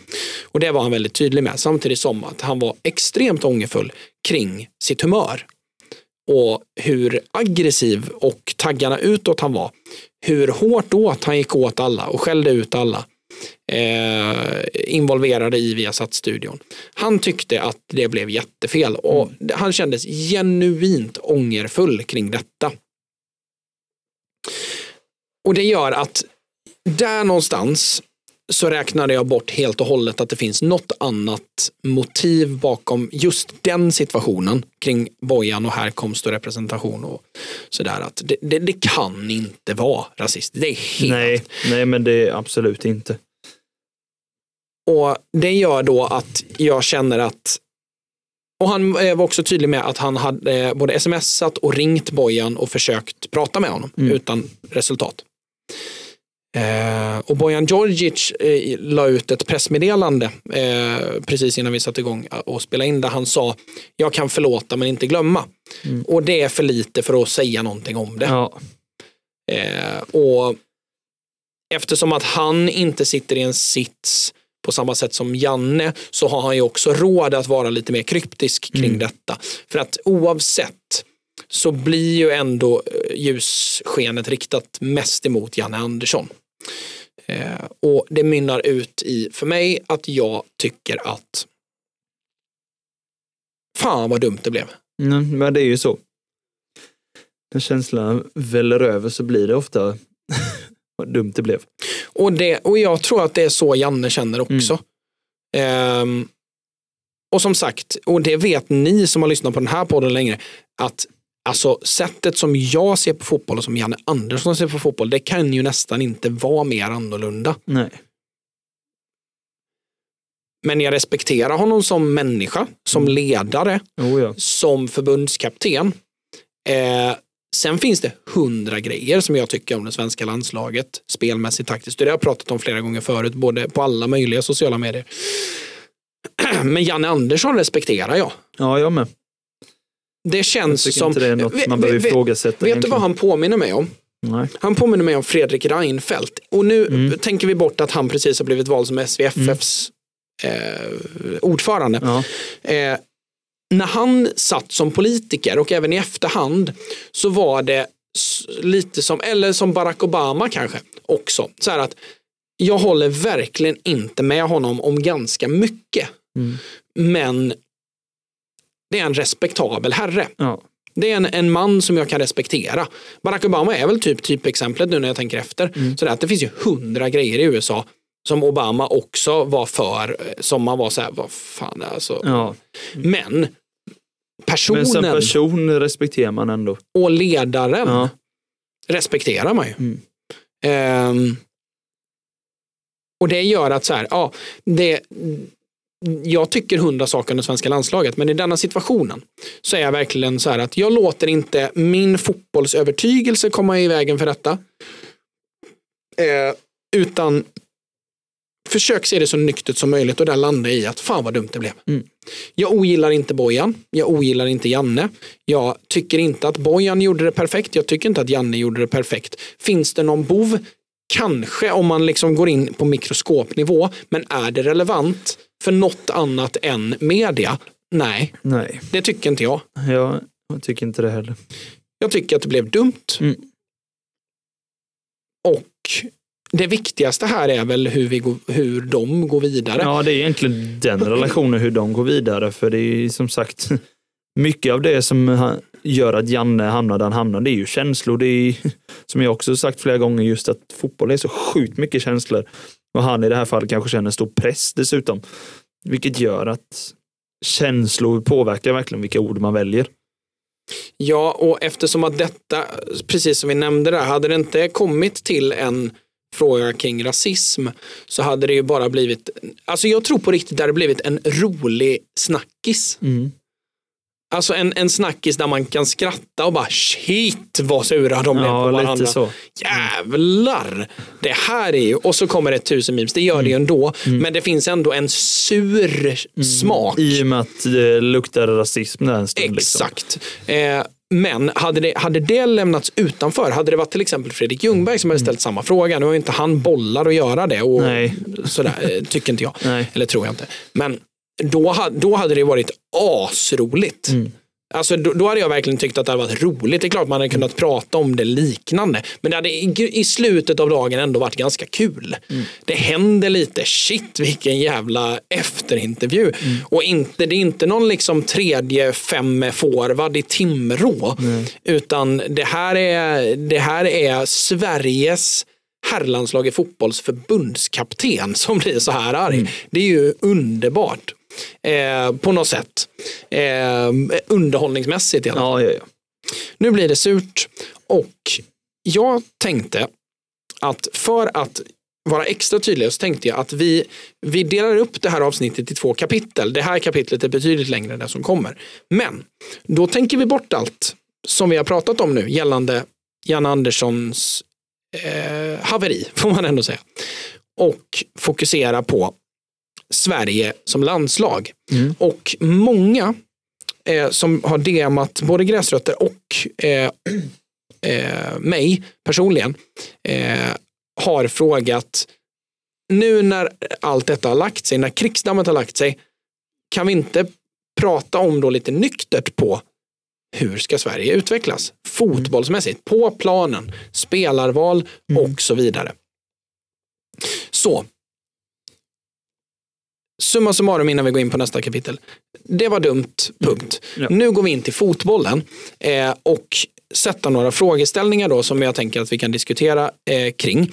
Eh, och det är då, eh, tänker vi börja med dig. Hur hade du ställt upp Sverige och, och, och jobbat fram Sverige i tiden eh, i det här EM-kvalet? Låt säga att vi ser ifrån mm, slutet av mars 2023 till EM 2024. Hur hade du vilka spelare tycker du ska in? Vilka spelare tycker du ska ut? Eh, vilka spelare är viktiga att lägga tryck på att de får mycket speltid till ett EM för att man förväntar sig att ta sig dit? Hur tänker du? Oh, bra fråga. Eh, om man bara ska fundera på vilka spelare. Alltså, jag har ju alltid tyckt att jag har aldrig tyckt om en för gammal trupp. I Mm. samma, alltså både när man ser i verkligheten men också som sagt när man spelar Fifa, kolla alltid spel som man har en framtid och något att bygga på under lång tid. Eh, Robin Olsen ska fortfarande kvar så länge han håller den nivån han håller. Eh, och sen så tycker jag, jag vet inte vem, alltså till exempel Nordfält. Alltså han kom, tror jag kommer in, inte bli för gammal, men liksom han, han kommer gå, gå över sin prime innan han, om han skulle peta Olsen och han var nummer två, så jag tar hellre in någon, någon av de lite yngre målvakterna eller som är liksom ja, runt 30 Ja, men typ som under. Johansson i Rotherham nu som fick chansen. Ja, men lite så. Eh, det, det är Jag har ju ju en tyckt kul det var synd att eh, Carl, eh, vad heter han, Carl Johan Jonsson Mm, mm. inte fått spela så mycket. Han tycker jag är en duktig målvakt, men Alltså, Eh. Jag vågar inte uttala mig om honom för att jag har sett tre matcher med honom Mm. och de tre matcherna är ju hans bästa i karriären. Bland annat mot Manchester United för bara ett år sedan. Ja, Där han ju var helt... Det, det är bland de sjukaste insatserna jag sett av en målvakt. Alltså det, det är inte långt efter Courtois Champions League-final. nej, jag. Ehm, så jag har lite svårt att uttala mig kring honom för, Mm. för att jag vet att min bild av honom är redan distad. Ja. Liksom. På något Men sätt. annars så truppen, eh, jag har ju för, lite för dålig koll på typ El, Emil Holm och ja, men högerbacken och Linus Wahlqvist. Men jag tycker det är bra att det är lite yngre, för Lustig är verkligen inte min typ av högerback. Eh, för jag vill som sagt att eh, åldern påverkar ju ändå fysiken. Mm. Och jag vill ju ha spelare som orkar springa mycket och orkar springa länge och eh, att springa F, eh, eh, explosivt också. Ja men exakt, lite explosiv. med- ja, men precis. med ålder. Ja exakt. Eh, så backlinjen hade jag inte rört så mycket, alltså, de, alltså varken startelvan eller de som är där bakom. Det är ju som sagt, jag hade ju hellre startat Gudmundsson och Augustin som verkligen slussat in Gudmundsson för att Mm. det känns som det är en som man kan bygga på flera år framöver. Eh, sen hade jag ju som sagt Kajuste en mittfält som jag tycker om också, spel, eh, spelstil. Jag gillar liksom att han, ja, jag gillar ju alltså sexor slash åttor som är, både har längden men också ganska snabb och explosiva ändå. Liksom, likt en Kamavinga är ju en mittfältare som jag, den mittfältstypen är ju någonting jag är väldigt svag för. Bellingham. Bellingham är också ett bra exempel. Liksom det finns eh, många, men till exempel Pogba kanske lite åt det hållet när han var, när han var som bäst. Mm. Liksom. Eh, men där... Dynamiska ja, men, ja, men exakt. Mm. Eh, annars inte... Och då tittar du i så fall åt liksom Svanberg. Alltså det, det ja, är men inte, det, Svanberg också. Det, ja, så precis. här, eh, om vi ska komprimera det då, så tycker du inte att alltså själva truppen som Janne tar ut är det inte jättemycket fel på? Nej, eh, Zlatan bidrar egentligen mest med rutin, alltså Mm. fotbollsmässigt. Det är klart han har i sig, men det är inte så att han är spetsspelaren i den här truppen. Rent fotbollsmässigt tycker inte jag. Mm, nej, kanske inte. Eh, Han, han är väl mer, eller så här, han är ju inte någon man ska bygga det fotbollsmässiga kring. Nej, men det är det jag menar. Mm. Han, han, han är mer en inhoppare för mig ändå. Jag tycker ändå inte han är så pass... Vi har så pass andra som är, pallar 70 och gör 70, första 70 bättre än honom. Det tror jag faktiskt. Mm. Eh, annars som du säger, det är inte så mycket i truppen. Det är så någon enstaka spelare som kan bytas. Typ ja, men Nordfält. Jag gillar inte att ha alltså en gammal andra målvakt tycker jag är typ onödigt om man säger så. Mm. Eh, för jag tycker att man ska ha en målvakt, gärna eh, ganska rutinerad som första målvakt och sen två lite yngre och kanske lite mer oerfarna bakom som man kan bygga sen efter och slussa in och vem av de två det blir, det blir det den blir. Men, eh, men eh, annars så tycker jag att truppen i sig är väldigt bra. Spelmässigt, eh, det beror ju på lite hur man vill spela. Jag är som sagt, det är lite så här frågan med Kullu om man ska ha han som en Spelar han ihop med Isak eller om man ska vara ännu mer offensiv och ha han med på en kant och ha liksom Isak och Gyökeres eller Isak och Quaison eller ja men vad man nu använder liksom för någonting. Men om du, Eh. när du nu går in på offensiven så får man nog ändå ställa frågan eftersom att eh, det, det är svårt att få in alla fina spelare offensivt i Det Sverige. är ju så. Hade du förändrat en formation för att få till det? Jag hade kanske kunnat göra det, det beror på lite. Alltså det, det jag velar med Ellan är ju i så fall, antingen lirar man ett 4-4-2 med de här yttrarna ska kalla med antingen att man har en av dem, typ Forsberg, kommer kanske lite mer inverterad eh, och den andra håller bredd, typ Kulusevski eller om man skulle ha Elanga på högkanten till exempel. Eh, eller om man skulle forma om till ett, ja men man kan ju göra det, jag tänker att man kan göra det till ett eh, 4-4-2 men göra om det till ett mer kanske 3-4-3 eller 3-4-1-2 eh, rent offensivt, alltså uppspelsmässigt och byggnadsmässigt. Mm, att mm. man har, för jag tänker både en Gudmundsson och en kanske, vi säger Emil Holm, Jag har inte riktigt stenkoll på vad hans bästa egenskaper är, men jag tänker Gudmundsson kan ju komma upp mer som en win, wingback. Mm, verkligen. Och så lira med typ ja, med Lindelöf och Ekdal och kanske Olsson, Kristoffer Olsson droppar ner lite mellan mittbackarna eller, eller utanför någon av mittbackarna i speluppbyggnad. Och i så fall då, om vi säger att Kullu börjar till höger, att man trycker in honom antingen som en tia eller att han kliver, alltså det, man kan ju forma, man kan ju ha Forsberg som en tia också Mm. bakom, eh, bakom forwardsen liksom. Så det är lite hur man vill. Men jag tänker att man ska våga testa och göra lite mer så i speluppbyggnad att ändra om till treback. Så jag, är- som vi till exempel IK Tord spelar mycket med ganska höga ytterbackar Mm. i eh, uppspelningsfas och liksom trycker upp mycket. Det, det tycker jag är en fotboll som är väldigt rolig och väldigt lockande för att man, man blir oftast minst tre eh, centrala och ändå har två som håller bredd plus två forward. Alltså man blir väldigt övertaliga. Mm. Både, man blir väldigt övertaliga centralt men man har ändå spelare som håller bredden. Mm. Och, ehm, så om du då skulle få ta ut en ideal startelva. Och, och låt, låt säga att du spelar en, eh, vad sa du, 3-4-3. Eller Ja, 3-4-1-2. speluppbyggnad blir det i alla fall, men vi säger 4-4-2. Ja, Eh, okej. då, Ja. ja. men vi säger så i alla fall så får man fundera lite hur man vill forma Mm. i en 3-5-2 sen i speluppbyggnad då. Men Olsen hade ju startat. Mm. Eh, det här är ju spel som jag tänker ska man bygga på framöver och liksom så här. Mm. Då hade jag ju satt eh, ja, men Gudmundsson vänsterback, eh, Ekdal och Lindelöf just nu. Sen skulle Mm. så småningom så kanske man slussar ut Lindelöf till och med eh, mot Isak Hien eller Kurtulus beroende på vem som visar bäst form eller vem som känns mest eh, redo eller vad man säger. Där de eh, tre, fyra mittbackarna är ganska, ja men det är de fyra man bygger runt just nu närmsta Shit, åren. vilken positiv överraskning mittbacksfrågan har blivit Ja, verkligen. Från att man är så här, vad fan har vi ens? Ja, till så. att man är så här, jäklar vilken Mm. uppsättning unga mittbackar vi har helt plötsligt. Mm. Eh, ifrån att vara doldisar i utlandet eller ungdomsspelare i Hammarby Mm. till oj då, Mm, exakt. vil- vilka fotbollsspelare vi har där. Högerback, alltså ja, som sagt, jag har för dålig koll på både Wahlqvist och Emil Holm. Det är väl de två som ändå är närmast en startplats. För att de får ju pass- inte glömma bort Emil Kraft trots att Nej, han det är är skadad. sant. Ja, där har vi också en. Det, där är lite hugget som stucket.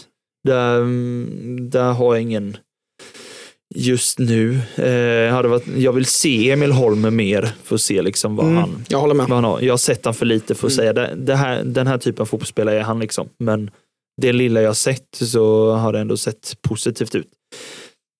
Centralt hade jag nog satt eh,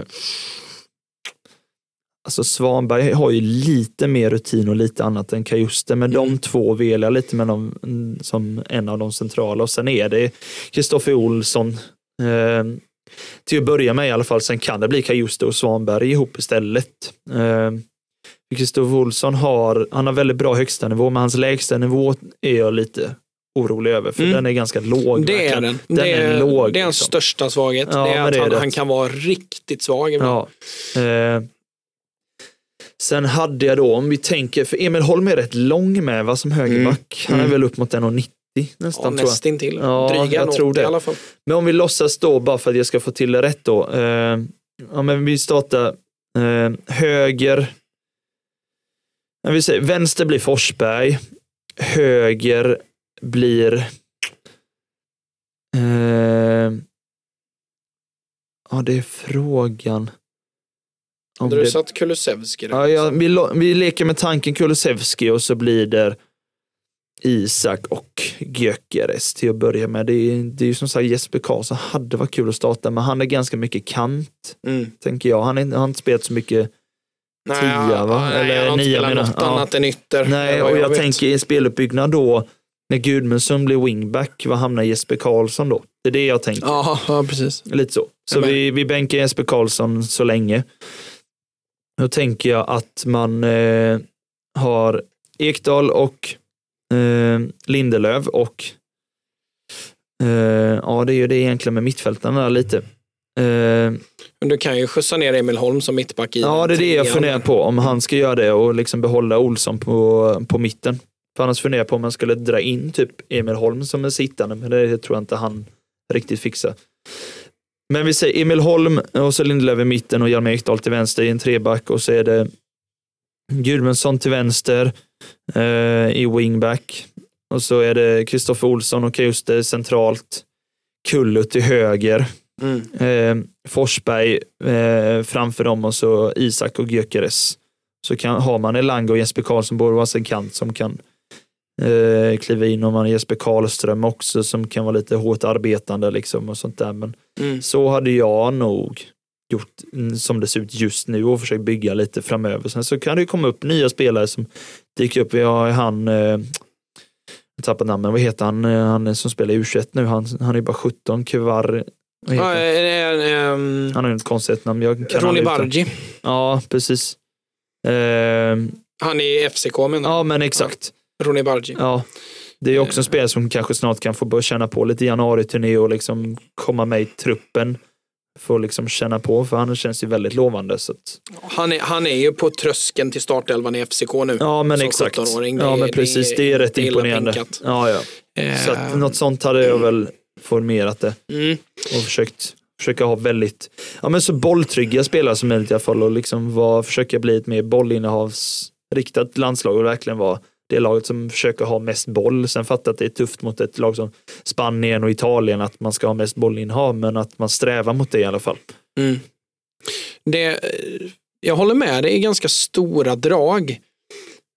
Jag tror... Du är ju tränare så du tänker nog annorlunda vad jag gör. ja, men det är klart jag gör. Och det ja, det är väl du där- har andra, andra taktiska kunskaper också så jag men bara det- tänker hur jag hade lite så. Men det, det är lite som jag och Theo pratade om sådär att fan, det, det är väl inte alla som är intresserade av vad, vad, vad jag tycker för vissa utav grejerna som jag har är, är ju specifika som gör att så här, det är inte alla som kan koppla till det. Nej. Eh, och det betyder inte att jag har mer rätt än någon annan. Men alltså, några av mina infallsvinklar är ju liksom eh, inte relevant för någon som inte gör det som jag gör. Ja, Liksom. ja jag förstår. Jag är inte målvakt till exempel. Nej. Därför eh, litar jag bra mycket mer på dina ord Mm. när det kommer till de frågorna än, än mina egna. Det enda jag vet är hur jag vill att en målvakt ska vara i uppbyggnadsfas. Alltså det är ju det jag fokuserar på. Ja, absolut. Liksom.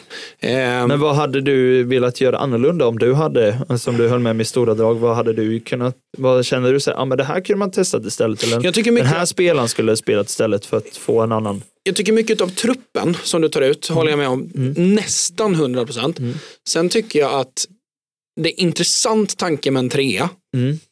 Sen tycker jag jag tycker att alltså, ess- essensen i det som jag tycker det är att Sverige kommer inte under den här generationen att kunna ha ett så bra landslag att man kan vara ett fotbollslag som baserar sin filosofi i att man ska ha med bollen motståndaren.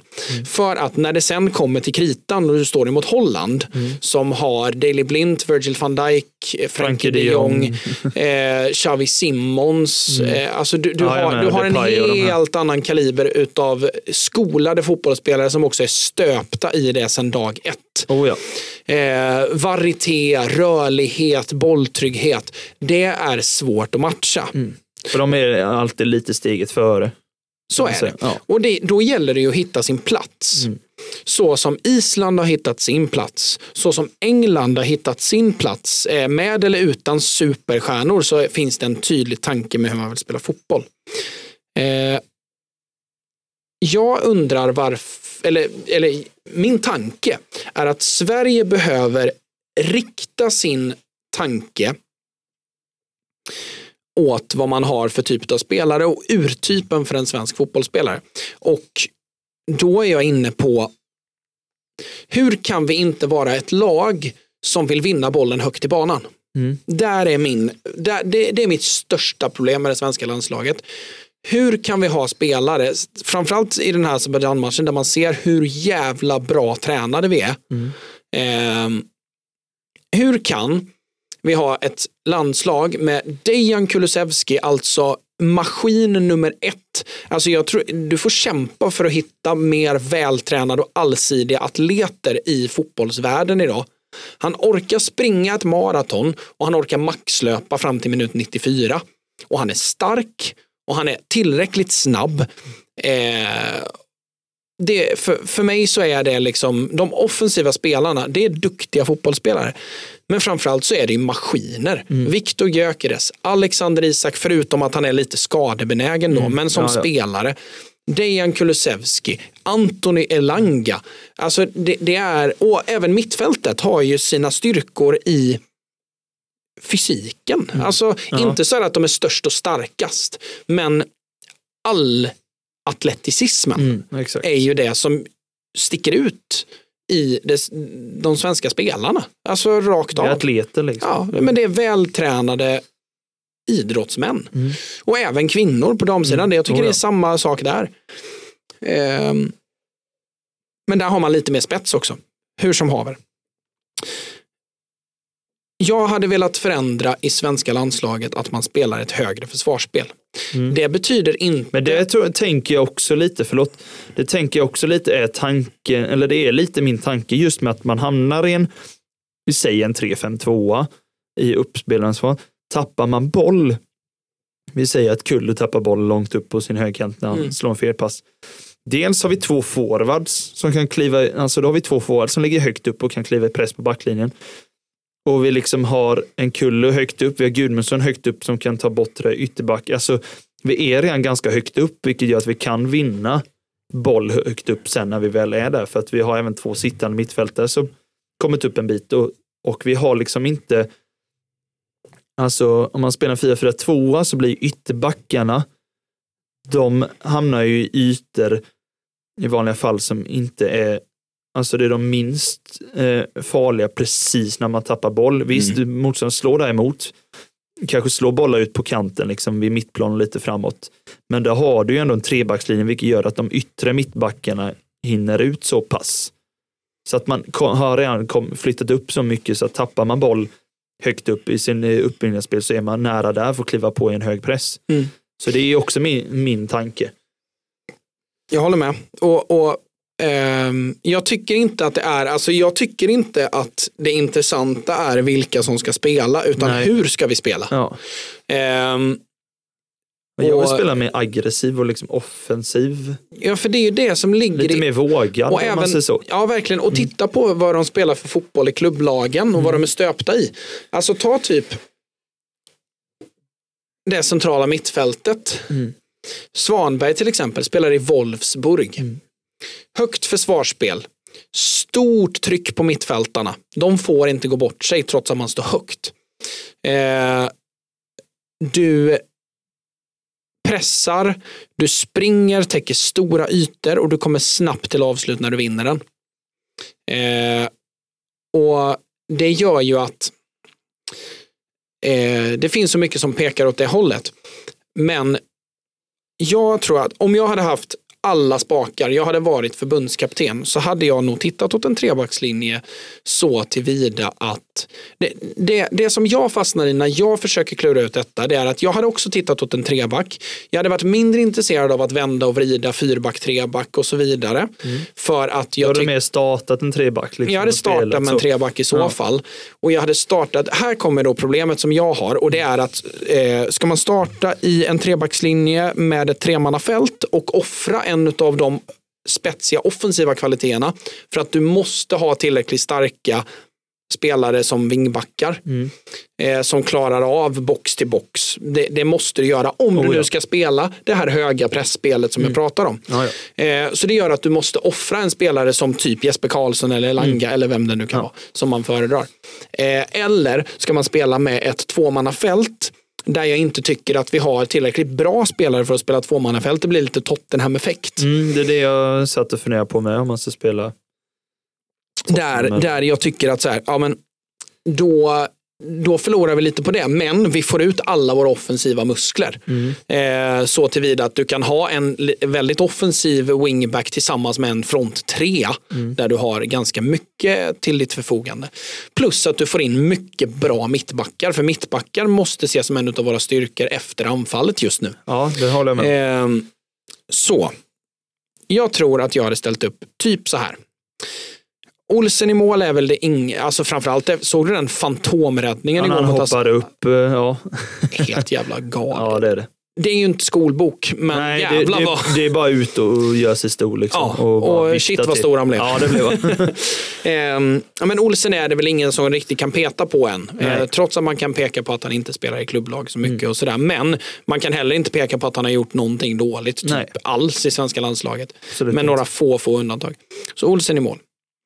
Sen skulle jag ha en treback om man då skulle balansera den så tycker jag att, precis som jag pratade om innan, så att Hjalmar Ekdal, det kan bli en jävla mittback. Det kan bli en klass mittback. Han har allt. Mm. Utom kanske det där lilla nasty liksom. Mm. Han har inte riktigt Sergio Ramos lejonmanen. Eh, Men jag tror också att han är i en miljö, som jag sa, där det kan förbättras. I klubblaget. Eh, Så Jalle och Lindelöf är, är, är gjutna och solklara för mig. Sen där bredvid då, så tycker jag att det är ganska intressant då att du har en Kurtulus som är typ den mest bollskickliga och allsidiga mittbacken jag någonsin har sett i det svenska landslaget. Mittbacken, ska jag säga. Eh, för han har spelat även ytterback och det kommer han nog göra mycket i Hammarby nu, för Hammarby har typ inga ytterbackar. Så han kommer nog hamna där ganska mycket. Ehm, vilket gör att spelar man mot ett lag som till exempel Azerbajdzjan så kan det ju vara i allt intresse att starta med en spelare som Kurtulus som kan ta löpningar uppåt, vända och vrida på eh, ett sittande försvar. Det är viktigt när man spelar treback. Som sagt, Tottenham återigen. Mm. Och då eh, landar jag i att den tredje positionen är ganska ointressant. För har man satt en treback så kan du sätta in en tredje mittback där som gör det du önskar. Isak Hien visade igår till exempel att det är en jäkla eh, det är ett jäkla pannben på honom. Ja, ja. Eh, Det är en spelare som inte är rädd för att sätta in fötter där fötter inte ska vara, eller pannor där pannor inte ska vara. Eh, Och det kan vara ett jättebra komplement till den backlinjen om man då möter ett Spanien, eller ett Holland, eller ett Frankrike, vad det nu kan vara. Eh, Så den lämnar jag lite öppen, den är lite intressant och den kan bero lite på motstånd, för det måste du också kunna göra. Ja. Sen har vi då vingbackar och Gudmundsson för mig är tokgiven. Mm. Ehm, på höger sida då, Mm. eh, förutsatt att Gudmundsson är en spelare som jag förväntar mig klara av att spela en ren och skär wingback. Han ska klara box till box i 90 minuter. Eller åtminstone tills han blir utbytt. Eh, och då har vi, om vi tar det från vänster då, så har vi då ett centralt mittfält utav, där får jag nog nästan sätta sett till hur vi vill spela, Kajust och Svanberg. Mm. Det är lite det jag funderar på med, med att ha sen.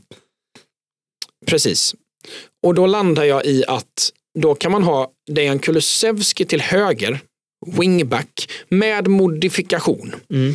Ehm, men ändå, han är så pass allsidig att han klarar det. Och jag är beredd att offra Dejan Kulusevski produktivt framåt för den fenomenala fotbollsspelaren han är. Han får bli Park Ji-sungen i det här. Ja, exakt. Eh, för att jag tror att han kan göra sig älskad av det svenska folket på så sätt också. Och det har han redan gjort. Alla pratar ju om det här landslagsuppehållet, mycket om Janne, men Dejan Kulusevski är ju utropstecknet. Ja. Jäklar vilka två matcher han gör. Ehm, så där tror jag att han kan göra sig bra. Sen är Alexander Isak för mig tokgiven så tillvida att framförallt när du ska spela ett lite mer framfusigt och mer krävande eh, spel så är Isak också allsidig. Duktig i pressspelet, är snabb som fasen. Det såg vi nu Ja. under det här. Det, det, det har jag inte riktigt tänkt på så mycket i Newcastle. Eh, för att han har spelat så lite än så länge. Men eh, herregud vad snabb han är. Mm, han är väldigt Ehm, snabb. Och inte jättekort heller, liksom, utan han har liksom, Han är väl 1,90 liksom. ja, typ. Ehm, och har ju lärt sig att nicka nu också. Mm, precis. Ehm, och där till sidorna då så skulle du kunna ha en Emil Forsberg som spelar på Kulusevskis sida Mm. som gör att när man anfaller då eller spelar upp beroende på vart du är så är Forsberg Kulusevski firman som kan rotera för motståndet man möter, faset i spelet, eh, fasen i spelet man är i och så vidare. Där man, om man då känner att ja, men här behöver vi såga igenom centralt, ja, men då droppar vi ner med Forsberg, Kulusevski kommer högre upp och vi skapar en fyrback där Gudmundsson Ja. tar mer defensivt ansvar. Eller att du har en ehm, eh, en, en tvärtom situation där det kanske är Kulusevski som eh, med eh, sin förmåga att göra sin gubbe på ett sätt som en Forsberg inte har. Eh, där man kanske kan skifta på de två och Forsberg kan agera inläggsfot med höger på Ja, höger sida. ja, där kan firman sätta igång. Alltså, där är aktiebolaget kreativitet Mm. i svenska landslaget. Och sen till vänster då så kan du ha vem som helst. Mm. Du kan ha Elanga om du har en, ett, ett motstånd där du vet att här kommer vi behöva sätta dit dem. Ta en match som är mot Belgien till exempel där man Mm. inte vill stå lågt för så pass bra är man att Belgien ska vi inte stå och försvara eget straffområde mot. Så kan man använda Elanga som en pressmotor och en spelare som alltid kommer sno åt sig en jävla pisschans för sättet han spelar på. Eller då om man möter ett bättre lag, ja men då är det ju Jesper Karlsson och det är solklart. Ja. Eh, och det finns ännu fler spelare där bakom, såklart. Viktor Gyökeres är ju, alltså ska man, som sagt, bredden är ju, om man använder det rätt, en lyx. Är det så att Alexandriska, han, han försvinner emot Georgien borta, för de har en mittback som slår honom sönder och samman. In med Gyökeres då och låt honom kämpa, för det är ju så nära Håland vi kommer i Sverige. Exakt. Men återigen, det är inte det allra mest intressanta för mig. Det allra mest intressanta för mig, det är eh, i, i, liksom, i mångt och mycket så här. Vi måste förändra sättet vi agerar som enhet på i det svenska landslaget. Mm. Sett till spelarna vi har. Mm. Och för att knyta ihop allt detta. Jag tycker att generationsväxlingen är inte det man ska kritisera Janne för. Ehm, sett överallt, liksom, eller liksom totalt. Så det är klart man kan peka på att Jesper Karlsson kunde fått 18 minuter istället för 8. Och där tycker jag att Janne har helt rätt som han säger, det sista han säger innan han lämnar intervjun. Det här att ah, jag skulle spelat Jesper Karlsson 10 minuter till så hade alla varit nöjda. Eh, och så hade det varit en bra match. Så. där tycker jag att han har i sak helt rätt. Och, och, eh, det är inte det intressanta. Det intressanta för mig är hur förändrar vi svensk fotboll? För vi är en nation, jag får väl avsluta här innan vi är in till Patreons. Vi är en nation, vi är inte Italien där fotboll är numero uno. Nej. Punkt. Utan ja, fotbollen är Sveriges största sport, okej, men vi kampar med rätt många andra sporter. Vi är också ett land som har det jäkligt bra ställt som gör att, alltså vi har inte brassedesperationen att ta oss ur favellan. Nej. Som gör att vi kommer inte skapa en Neymar per generation. Och då måste vi landa i att vad är Sverige bäst på? Jo, men det är ju disciplin och struktur. Där är vi ju bra. Det är, Jo, ja. Och det är därför Janne spelar som han gör. För han är också stöpt i det. Så det ska man, man ska inte ta bort strukturen och disciplinen. Eh, däremot så får man titta åt att ja, men vi är ju sjukt bra fysiskt. Alltså vi, vi täcker stora delar av banan med väldigt många duktiga fotbollsspelare som är duktiga på över stora ytor. Och då tycker jag att ja, men då behöver man spela ett spel som speglar det. Högre försvarsspel, tydligare pressspel. Essensen bör ligga i tempot och eh, hur vi driver en match sett till hur vi rör oss över banan. Inte kanske primärt för hur vi för en fotbollsmatch. För det kommer ofta med, ta typ Liverpool som exempel. De pressade högt före de kunde spela snabbt. När de lärde sig att pressa högt och fick träff i det så började de också spela snabbt. Då gick det fort. Alltså Prime Liverpool är ju bland det högsta bolltempo man har sett. Oh ja. Oavsett om det är långa passningar Ja. efter marken, slagskottspassningar från van Dijk till... vet Robertson, City, det går ju i tempo i 90 minuter liksom. Det är hiskeligt ja, hur fort det går. fort. Eh, eller om det är en utspark från Alisson, hur som haver så går det förbannat snabbt. Och det gör att så här, eh, jag tror att nyckeln i det är det Mm. eh, som, som jag har pratat om här. Jag säger inte att det är rätt, Nej. det är så jag ser på det. Ja. Eh, och det gör att eh, jag känner att är det dags för Janne att gå? Det är jag alltid så här, fan vet. Mm. Ehm, men det är klart att en förbundskapten ska ha kritik. Ja. Så är det. Mm. Eh, och alla kan tycka sitt om saken. Men jag tycker inte att det ska påverka situationen vi bevittnade igår. Nej, jag håller med. Typ så. Ja. Skilj på äpplen och päron. Ja, precis. Med det så ska vi lämna över till våra patreons. Yes. Ehm, Stort tack ni som har lyssnat. Eh, vill ni bli Patreons så är det superlätt. Det är bara att lyssna på introt. Vi hoppas att det här är ute så snabbt som möjligt så att det fortfarande är färskt i minnet för er när ni lyssnar på detta. Eh, tusen tack för att ni har lyssnat. Vi syns om sju dagar igen eh, med ett nytt avsnitt och då är det lite Premier League-fotboll också. Yes. Gött. Välkomna in Patreons. Tack Spotify. Vi hörs nästa vecka. Hej! Hej.